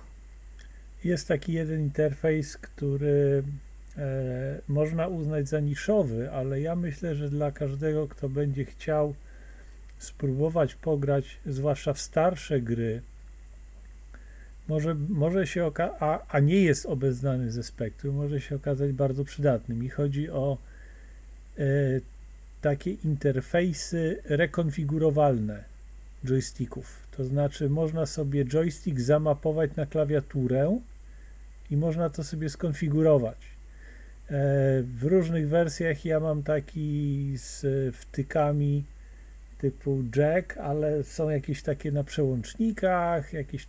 Są też programowalne jest... na układach, nawet na logikach, e, tak, więc to, to było, wtedy, sporo wtedy tego można, było, tak. Można sobie podłączyć zwykły inter joystick i kazać mu działać tak, jakby on ciskał klawisze, co w niektórych przypadkach jest niezbędne, bo e, no, joy, obsługa joysticka jako takiego nie była od samego początku. E, ja kojarzę w grach typu Horace, Horace Goes coś tam, to tam zdaje się nie ma klawiatury, chyba że w jakichś, znaczy joysticków, chyba że w jakichś tam przeróbkach kolejnych, ale no Jetpack, taka gra, która wyszła też na kartridżu, też nie ma obsługi joysticka. To były patche, które później ktoś dodawał yy, w jakichś tam późniejszych wersjach. Natomiast generalnie wyszła bez, bez obsługi joysticka. Ale tam jest ten standard kursor, który właśnie to mógł być joystick, tak? Jeżeli miałeś interfejs. Yy, natomiast yy, właśnie są te interfejsy joystickowe jako taki must have. Wydaje mi się, że jakaś pamięć masowa w dzisiejszych czasach typu DVMMC, które, które wykorzystuje albo kartę SD, albo microSD, y, będzie dobrym wyborem, gdzie obrazy taśmy po prostu możemy załadować w parę sekund. Tracimy oczywiście możliwość podziwiania loading screena, bo on mignie nam w, tam w ułamku sekundy y, ale za to zyskujemy komfort ładowania, ładowania gier na, no, w, dosłownie w jedną sekundę, dwie, plus możliwość robienia snapshotów, czyli zrzutów pamięci, no i parę innych takich też fajnych feature'ów, które, które tam są. E, niezależnie, który mamy model Spectruma, wydaje mi się, że fajnie mieć e, zewnętrznego AY, albo poprawić sobie dźwięk AY, który jest w środku w, w komputerze, albo pójść jeszcze dalej i, i, jeżeli chcemy posłuchać takich bardziej rozbudowanych kompozycji na e, ZX-ie, no to kupić Turbo Sound FM-a. Jest trochę muzyki na to. Czyli podwójny AY plus jeszcze synteza FM dodatkowo. W ogóle e, tak wszyscy kojarzą e, AY dopiero z wyjściem ZX Spectrum 128K, czyli z 86 rokiem, a ja tylko chciałbym zauważyć, że w 82 roku były już interfejsy AY, co prawda nie do ZX Spectrum, tylko do ZX81, ale stąd one się wzięły. To był, to był pierwszy jakby z komputer ze stajni Sinclaira, na który wjechał AY e, z dźwiękiem.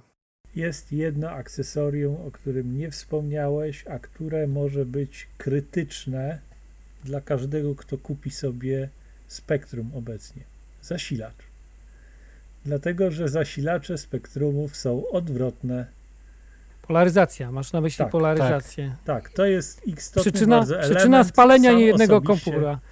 Sam osobiście ubiłem moje pierwsze spektrum, które sobie kupiłem, tak jak mówiłem, w latach już dwutysięcznych, no bo ochoczo nie mając zasilacza, poszedłem na giełdę, kupiłem sobie pierwszy lepszy 9V i się okazało, że tyle tego było, tak? No niestety, to, yy, to jest taki mankament nieoznaczania yy, jeszcze wtedy na urządzeniach polaryzacji, bo to chyba nadeszło dużo później, bo miałem parę rzeczy, które yy, udało mi się ubić właśnie podłączanie niewłaściwego zasilacza, yy, znaczy z niewłaściwą polaryzacją, tak? Właśnie na tej zasadzie. Później do, yy, chyba to wprowadzono jako wymóg taki, że musi być oznaczenie na urządzeniu polaryzacji wejściowej, jeżeli chodzi o zasilanie. Wiesz co, jest, jest taka rzecz, którą y, ja wymieniłem w swoim spektrumie już jakieś 3 lata temu i generalnie jestem super zadowolony. Zamiast tej takiej membranowej podkładki pod klawiaturę mam PCB z mechanicznymi y, przyciskami. Z To taktylami, powoduje, że- tak. Tak, komfort pisania jest w ogóle bez porównania, plus no to jakby nie będzie mi się psuć, mm, tak jak ta membrana, która tam od jakiejś wilgoci, czy po prostu zaczyna się kruszyć i sypać. To, To prawda, to prawda. Jest naprawdę fajne rozwiązanie, na, na Sell My Retro jest to cały czas dostępne, więc warto sobie zamówić, jak ktoś potrzebuje. Na ile to kosztuje? Bo to jest, wiesz, pytanie, czy to nie kosztuje tyle, co sam Spektrum, nie? Wiesz, bardzo porównywalnie kosztuje do nowej membrany, paradoksalnie, w tym momencie, dlatego że y, po pierwsze przesyłki y, z Chin troszeczkę nam podrożały, przesyłki z Anglii nam bardzo podrożały, więc jakby tutaj ten y, ściąganie membrany od Richa Mellora y, zrobiło się drogie. Cable jest generalnie Mamy polskie membrany, ale one są dużo gorsze, dużo, dużo, dużo gorsze od tych, które były y, mm, na Sell My Retro sprzedawane. Y, Tutaj nawet y, Retro Radionic zrobił lepsze membrany niż te polskie. A membrana od Pokemona, słuchajcie, kupowałem w, teraz y, na samym początku pandemii kupowałem jedną, y, jedną taką płytkę. To jest około 100 zł, 120 zł zamykamy się z przesyłką z, z, za zmontowaną wersję, bo jest też wersja do samodzielnego lutowania, ale nie pokusiłem się. Yy, tylko poprosiłem Pokemona o zmontowaną. Yy, I to jest tak, to jest rzeczywiście taki yy, mały feature do, do wymiany i on yy, bardzo nam podno- podniesie jakość korzystania z klawiatury, to prawda. Ja zastanawiałem się o tym, jak podejść do tematu czegoś, co, o czym wspomniał Łukasz, czyli ZX HD, czyli taki interfejsik, yy, który został zrobiony yy, przez Bena z Byte Delight. Yy, I on w sumie składa się z dwóch rzeczy: z interfejsu oraz z Raspberry Pi Zero, które służy nam za wyjście HDMI. I to jest taki interfejs, który działa w ten sposób, że słucha tego, co procesor, gdzie tam, yy, jak się komunikuje z ulą, właśnie po tym, po tym po łączu krawędziowym, które jest yy, w ZX-ie.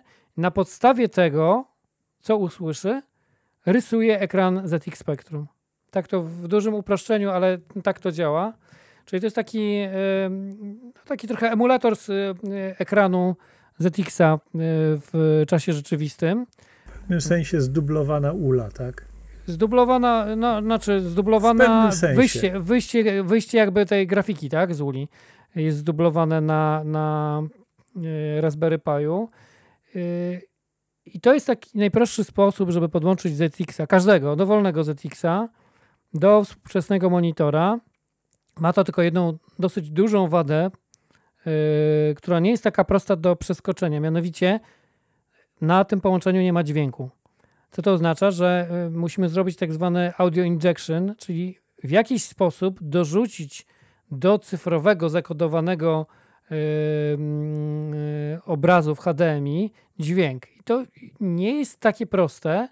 To znaczy są, są takie jakieś tam małe chińskie urządzonka, które jesteśmy w stanie znaleźć za no tam powiedzmy 40 dolarów. To się tak zaczyna mniej więcej.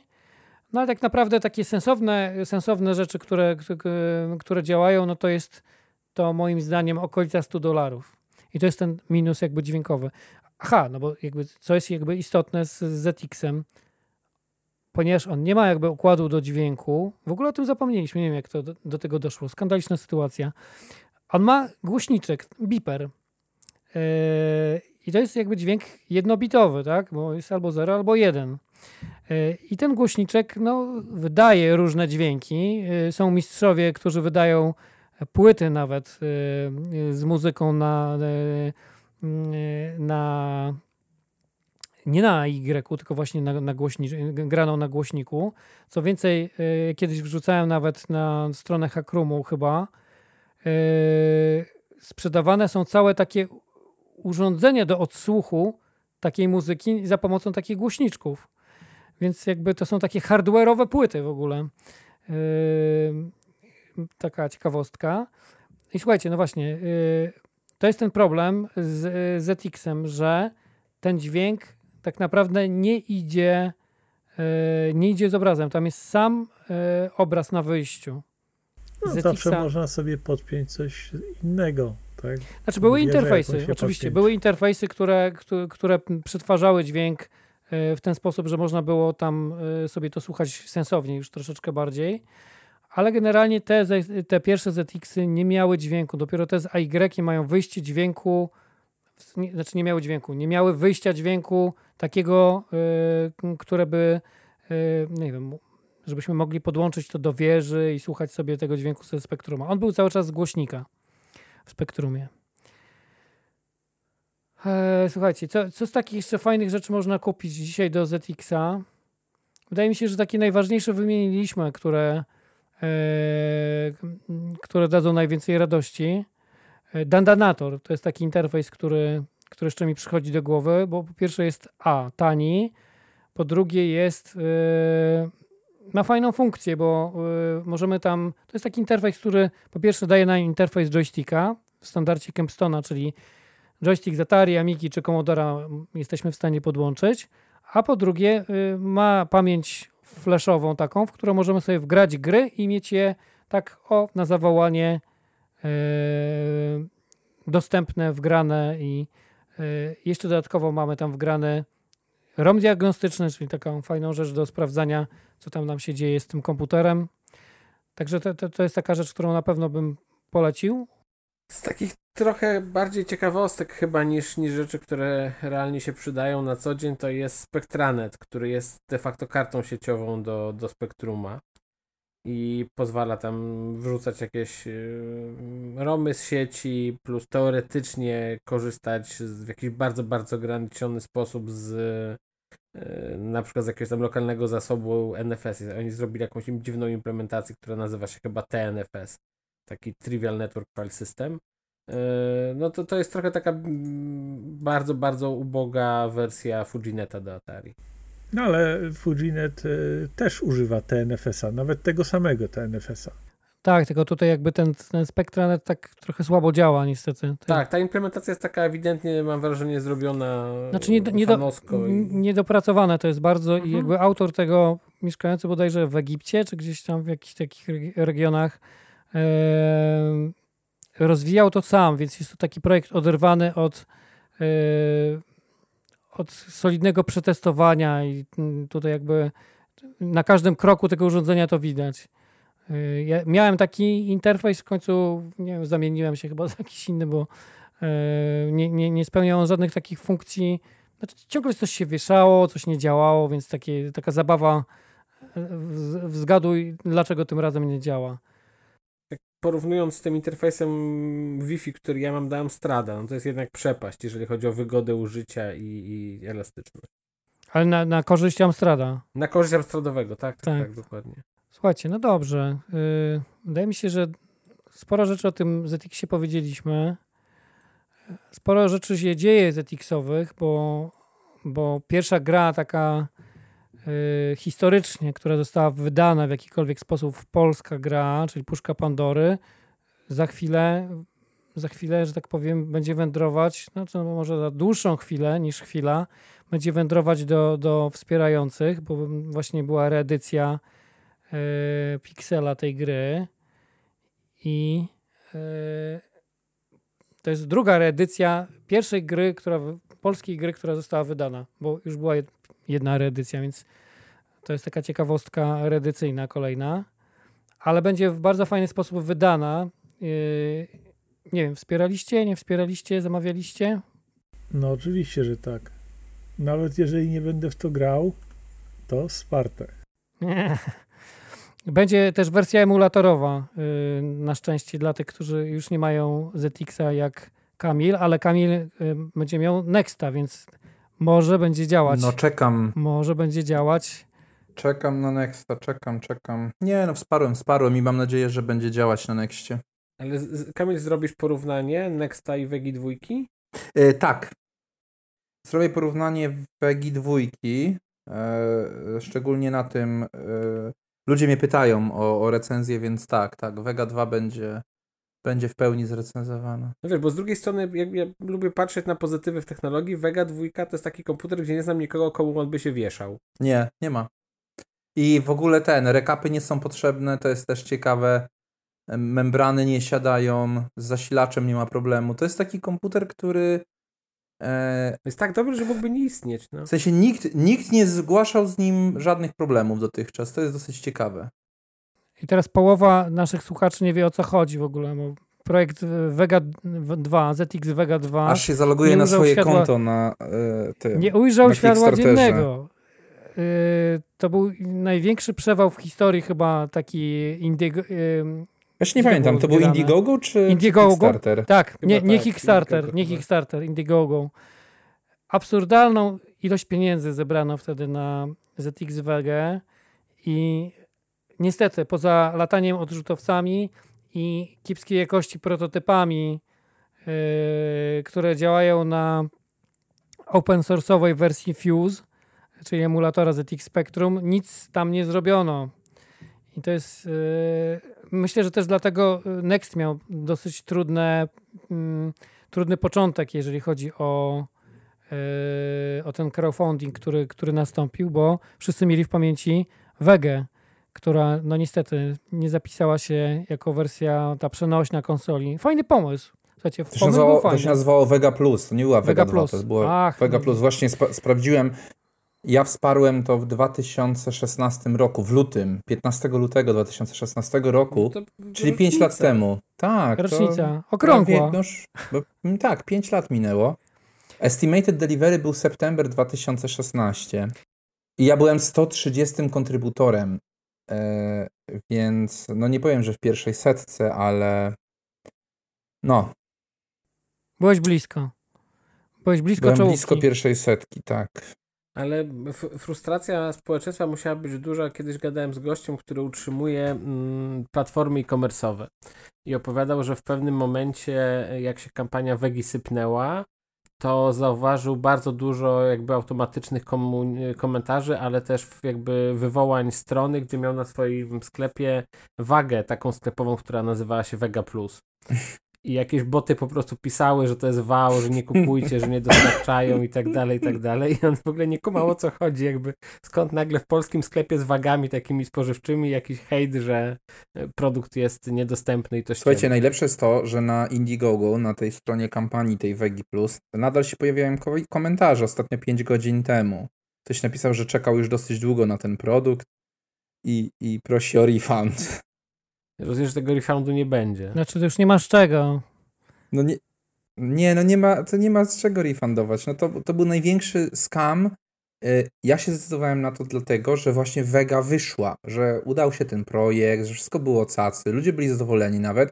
Więc jak stwierdziłem, że Vega Plus wychodzi, czyli, czyli kolejna edycja poprawiona, e, lepsza, no bo z wyświetlaczem, przenośna konsolka, to, to się zdecydowałem. I tak, to był największy, największy e, scam.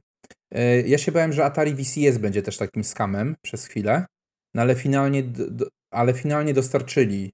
Tak to wyglądało nawet przez moment. Ale wiesz co, myślę, że jest jakieś fatum, bo jest na e, Indiegogo już skończona kampania, która nazywała się Sinclair From Vision to Vega, gdzie z 75 tysięcy dolarów na film gość zebrał, e, przepraszam, nie, nie dolarów, tylko funtów, gość zebrał 1700 funtów, czyli 2% zakładanej kasy i kampania została zamknięta. Więc mam wrażenie, że jakby magia przestała działać. Tych projektów niestety crowdfundingowych się zrobiło za dużo w pewnym momencie, a ta Vega Plus pokazała, jak się kończy hype taki i, i ślepe wierzenie w, w, no, w rzeczy, których nie ma. Z Vegą Plus wyszło bardzo dużo jakby takich e, zakulisowych rzeczy w momencie, jak się zaczął, zaczął proces sądowy, bo tam, tam się toczył proces sądowy o e, sprzeniewierzenie zasobów jakby spółki, bo do tego doszło. E, I wyszło na przykład to, że Vega, ta pierwotna, dostała za darmo licencję na korzystanie jakby z zasobów tych gier, bo tam było tysiąc gier, pod warunkiem, że jakiś tam procent z kampanii Wegi zostanie wpłacony na cele charytatywne i to nie nastąpiło. I y, to była pięta też achillesowa Wegi Plus, w momencie, kiedy ona wychodziła, okazało się, że znaczy wychodziła, kiedy miała wyjść, okazało się nagle, że y, są przesłanki prawne ku temu, że nie mogą skorzystać y, po raz kolejny z tych gier, które wcześniej były udostępnione, które były obiecane, że będą, ponieważ złamali warunki jakby tych poprzedniej, przy, przy poprzedniej wedze. E, natomiast e, jak już tak mówimy o takich e, crowdfundingowych rzeczach, to, to mamy coś takiego jak ZX Omni, laptop, laptop ZX-owy, który został dowieziony, słuchajcie, w półtora roku. W półtora roku. To jest w półtora roku dowieziony do końca, czyli od momentu, kiedy ja go wsparłem, półtora roku minęło, jak ja dostałem komputer i jeszcze tam czekałem chyba trzy miesiące na monitor do niego. I generalnie powiem wam, że to jest jedna z fajniejszych propozycji yy, dla kogoś, kto chce wrócić do ZX Spectrum. Paradoksalnie nie, nie, nie Next, tylko to, yy, bo mm, jest to przenośne. Wielkości ZX jest monitor, jest to na takich zawiasach razem jakby zmontowane działa. Jest, działa, mamy tam ileś ROMów przełączanych, czyli możemy udawać sobie od Jupitera po y, wszystkie modele Sinclaira, łącznie z y, ZX81 też. Y, mamy wbudowane DVM-MC, mamy dwa porty joysticka, mamy AY, bo to jest generalnie taki Harlequin 128K. działa. Jest to fajne, recenzowałem to u siebie na kanale i i, i, polecam. Nie jest to też drogie stosunkowo, bo bodajże to jest koszt 100, 150 dolarów, co za takie kompletne, y, kompletne rozwiązanie yy, działające po wyjęciu z pudełka. Myślę, że jest, jest warte rozważenia. Tym bardziej, że jest to na współczesnych jakby elementach, więc jakby tutaj żadne rekapy nie wchodzą w grę. Można sobie dobrać jeszcze kolorystycznie, bo człowiek, który to produkuje, jest też y, jakby producentem replik obudów, membran, faceplate'ów do, y, do właśnie do gumiaka, więc można sobie kolorystycznie to zupełnie dopasować do swojej jakiejś tam y, wymarzonej wersji, łącznie z tą białą taką. Także, także to, to, to też polecam uwadze.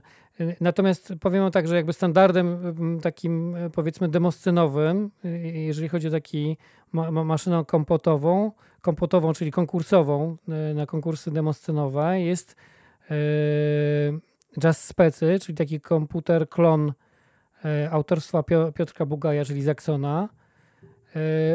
I powiem wam, że naprawdę męczyłem sam ten komputer z 8-9 godzin dziennie i on się nie grzeje. To jest jakby coś, co jest jakby fenomenalne, jeżeli chodzi o taki, yy, taki komputer w, w, takim wieku. Więc jakby ja się na przykład nie boję, no miał, nawet jeżeli miałbym włożyć do tego komputera oryginalną ULE 128, to nie bałbym się o nią, bo ten komputer nie wytwarza na tyle ciepła, żeby ona się jakoś musiała przegrzewać dodatkowo z tego powodu. Yy, jeszcze tak mi się przypomniało, yy, a propos właśnie uli, czyli jedynego jakby chipsetu takiego, który, który pokutuje w ZX-ach, yy, to pewnie wiecie, no Łukasz na pewno wie, że zrobiono, zrobiono jakby repliki tych, te, tego chipsetu.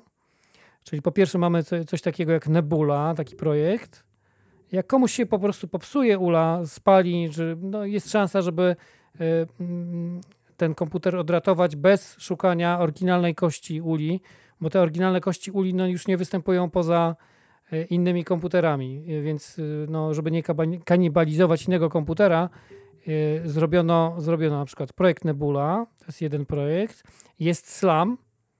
Slam jest w tylu wersjach, że już boli głowa, bo jest Slam do, do gumiaka, czyli do ZX Spectrum 48K. Jest on w jakiejś też wersji, gdzie jest AY wrzucony w tego Slama. Jest też tam ULA Plus. E, są tryby timexowe, czy, czy- czyli takie rozszerzone, jeżeli chodzi o grafikę. No i można zwariować, po prostu tyle tego jest. I to jest na przykład coś, co, e, może fajnie zupgrade'ować ZX-a bez ja- specjalnego jakiegoś tam lutowania w środku. Wymieniamy taką ulę. No tu stop, stop, niestety nie bez lutowania, dlatego że jeżeli chcemy to w gumiaka wsadzić, to trzeba wylutować podstawkę, a to wlutować w płytę. Po prostu się nie mieści.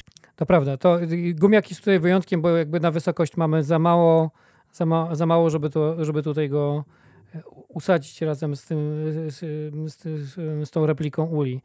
E, Natomiast e, w tym sensie bez lutowania, że nie musimy dodawać jeszcze jakichś dodatkowych elementów, ale niestety ten trzeba przelutować rzeczywiście. Natomiast to jest to fajny upgrade taki, który e, pozwala nam e, pobawić się w zupełnie innej palecie kolorów też. Dużo gier jest poprzerabianych.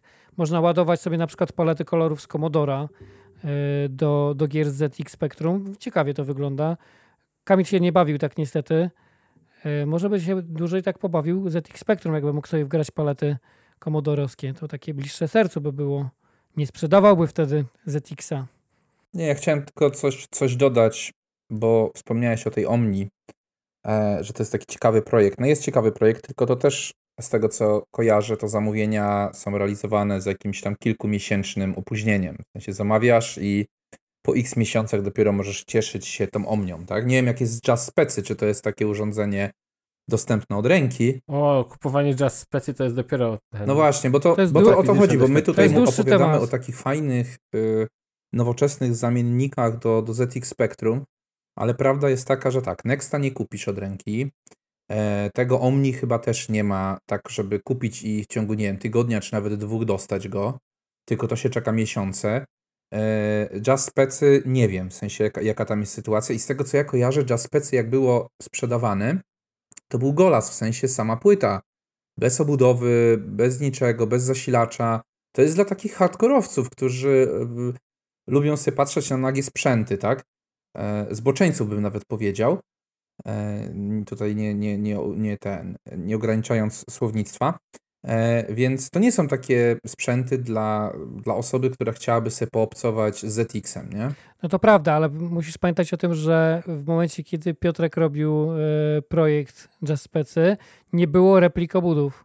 Mhm. E, więc to było tak, że mogłeś kupić od niego Jazz Specy razem z obudową takie kompletne, no ale to kosztowało na tyle dużo, że no wiesz, musiałeś skanibalizować jakiegoś ZX-a, żeby to mieć. Mhm. E, Te obudowy od Diordy to jest e, kwestia ostatnich kilku lat, a Jazz Specy to jest no, dużo starszy projekt, jeżeli o to chodzi. No dobra, no ale nadal nie możesz kupić Jazz Specy pewnie w replice obudowy, nie? Wiesz co, powiem ci tak, to po pierwsze nie jest tani sprzęt, bo to kosztuje, o ile dobrze pamiętam, tak z 600 zł.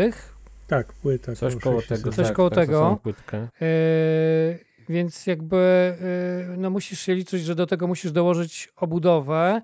Kompletna obudowa, nawet replika, no to jest koło 200, tak? Mhm. Jak policzysz obudowa, faceplate, klawiatura, No. membrana, no to wychodzi z te dwie stówy, no to masz za 800 zł takiej yy, Golas. Uber ZX Spectrum. Znaczy nie Golas, to jest, już- to jest już kompletne. No tak, ale nie masz zasilacza wszystko, jeszcze tak. nadal. No tak, ale to na szczęście to, to na szczęście nie jest aż taki problem. No i tutaj ZX Omni jest tańsze.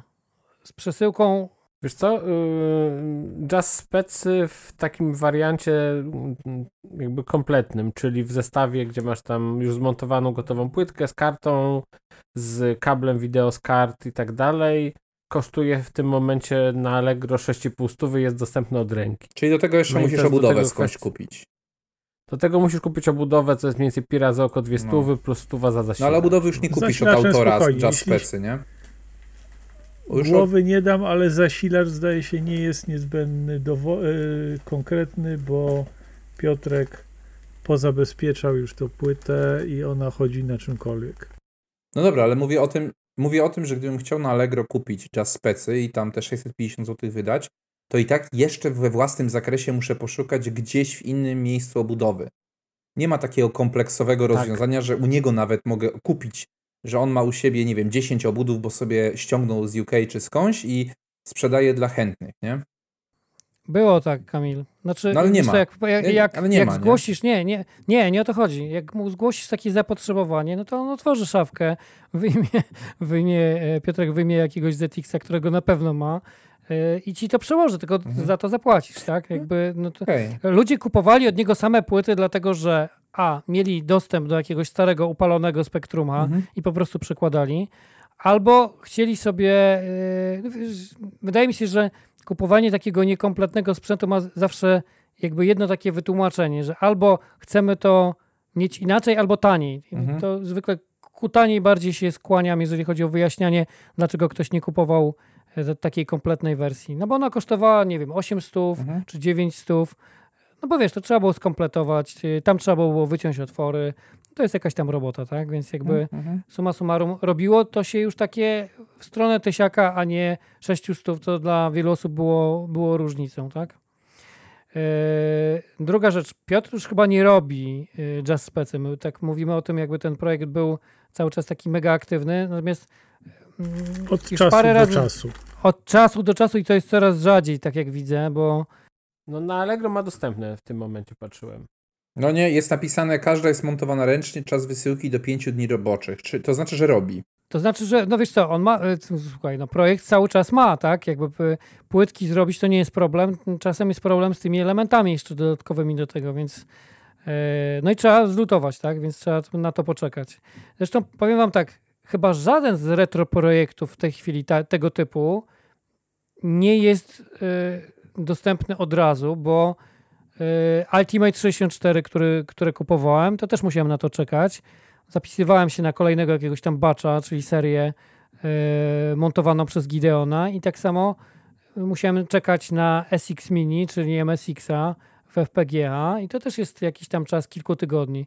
Więc nikt nie robi, żeby trzymać stok części na magazynie, mm, no bo to są rzeczy niszowe, Kamil, no, Mhm. nie oszukujmy się. Nie, no są, są, tylko ja, wiesz, chodziło mi bardziej, żebyśmy uzupełnili dla tych naszych słuchaczy, którzy tutaj już podnieceni zaczynają googlać i przygotowywać kartę y, kredytową, y, że to nie jest tak, że zamówią sobie i, i za chwilę zapuka kurier y, albo w paczkomacie sobie, sobie odbiorą następnego dnia, nie? No nawet to Just Specy, jak widać, ok, jest dostępne, czyli 5 dni roboczych trzeba poczekać, ale pewnie się dostanie. Tak ja nie wiem, jak u Piotra jest terminowością i e, No, i- trzeba się uzbroić w cierpliwość, bo Piotr, Piotr robi milion projektów, więc jakby e, generalnie hasło retro oznacza e, cierpliwość, dużo cierpliwości. Trzeba będzie dużo czekać, e, e, ale, ale będzie dowiezione. Tutaj akurat Piotr jest solidną firmą, nie ma co się, nie ma co się e, jakby Tak, i przejmować. jakościowo też to Jazz Spec jest super, a ja mam i Nexta i Jazz Spec i tak sobie porównując, to jednak Jazz Spec jest fajniejszy. Więc Wspieramy polski przemysł retro, tak. Tak.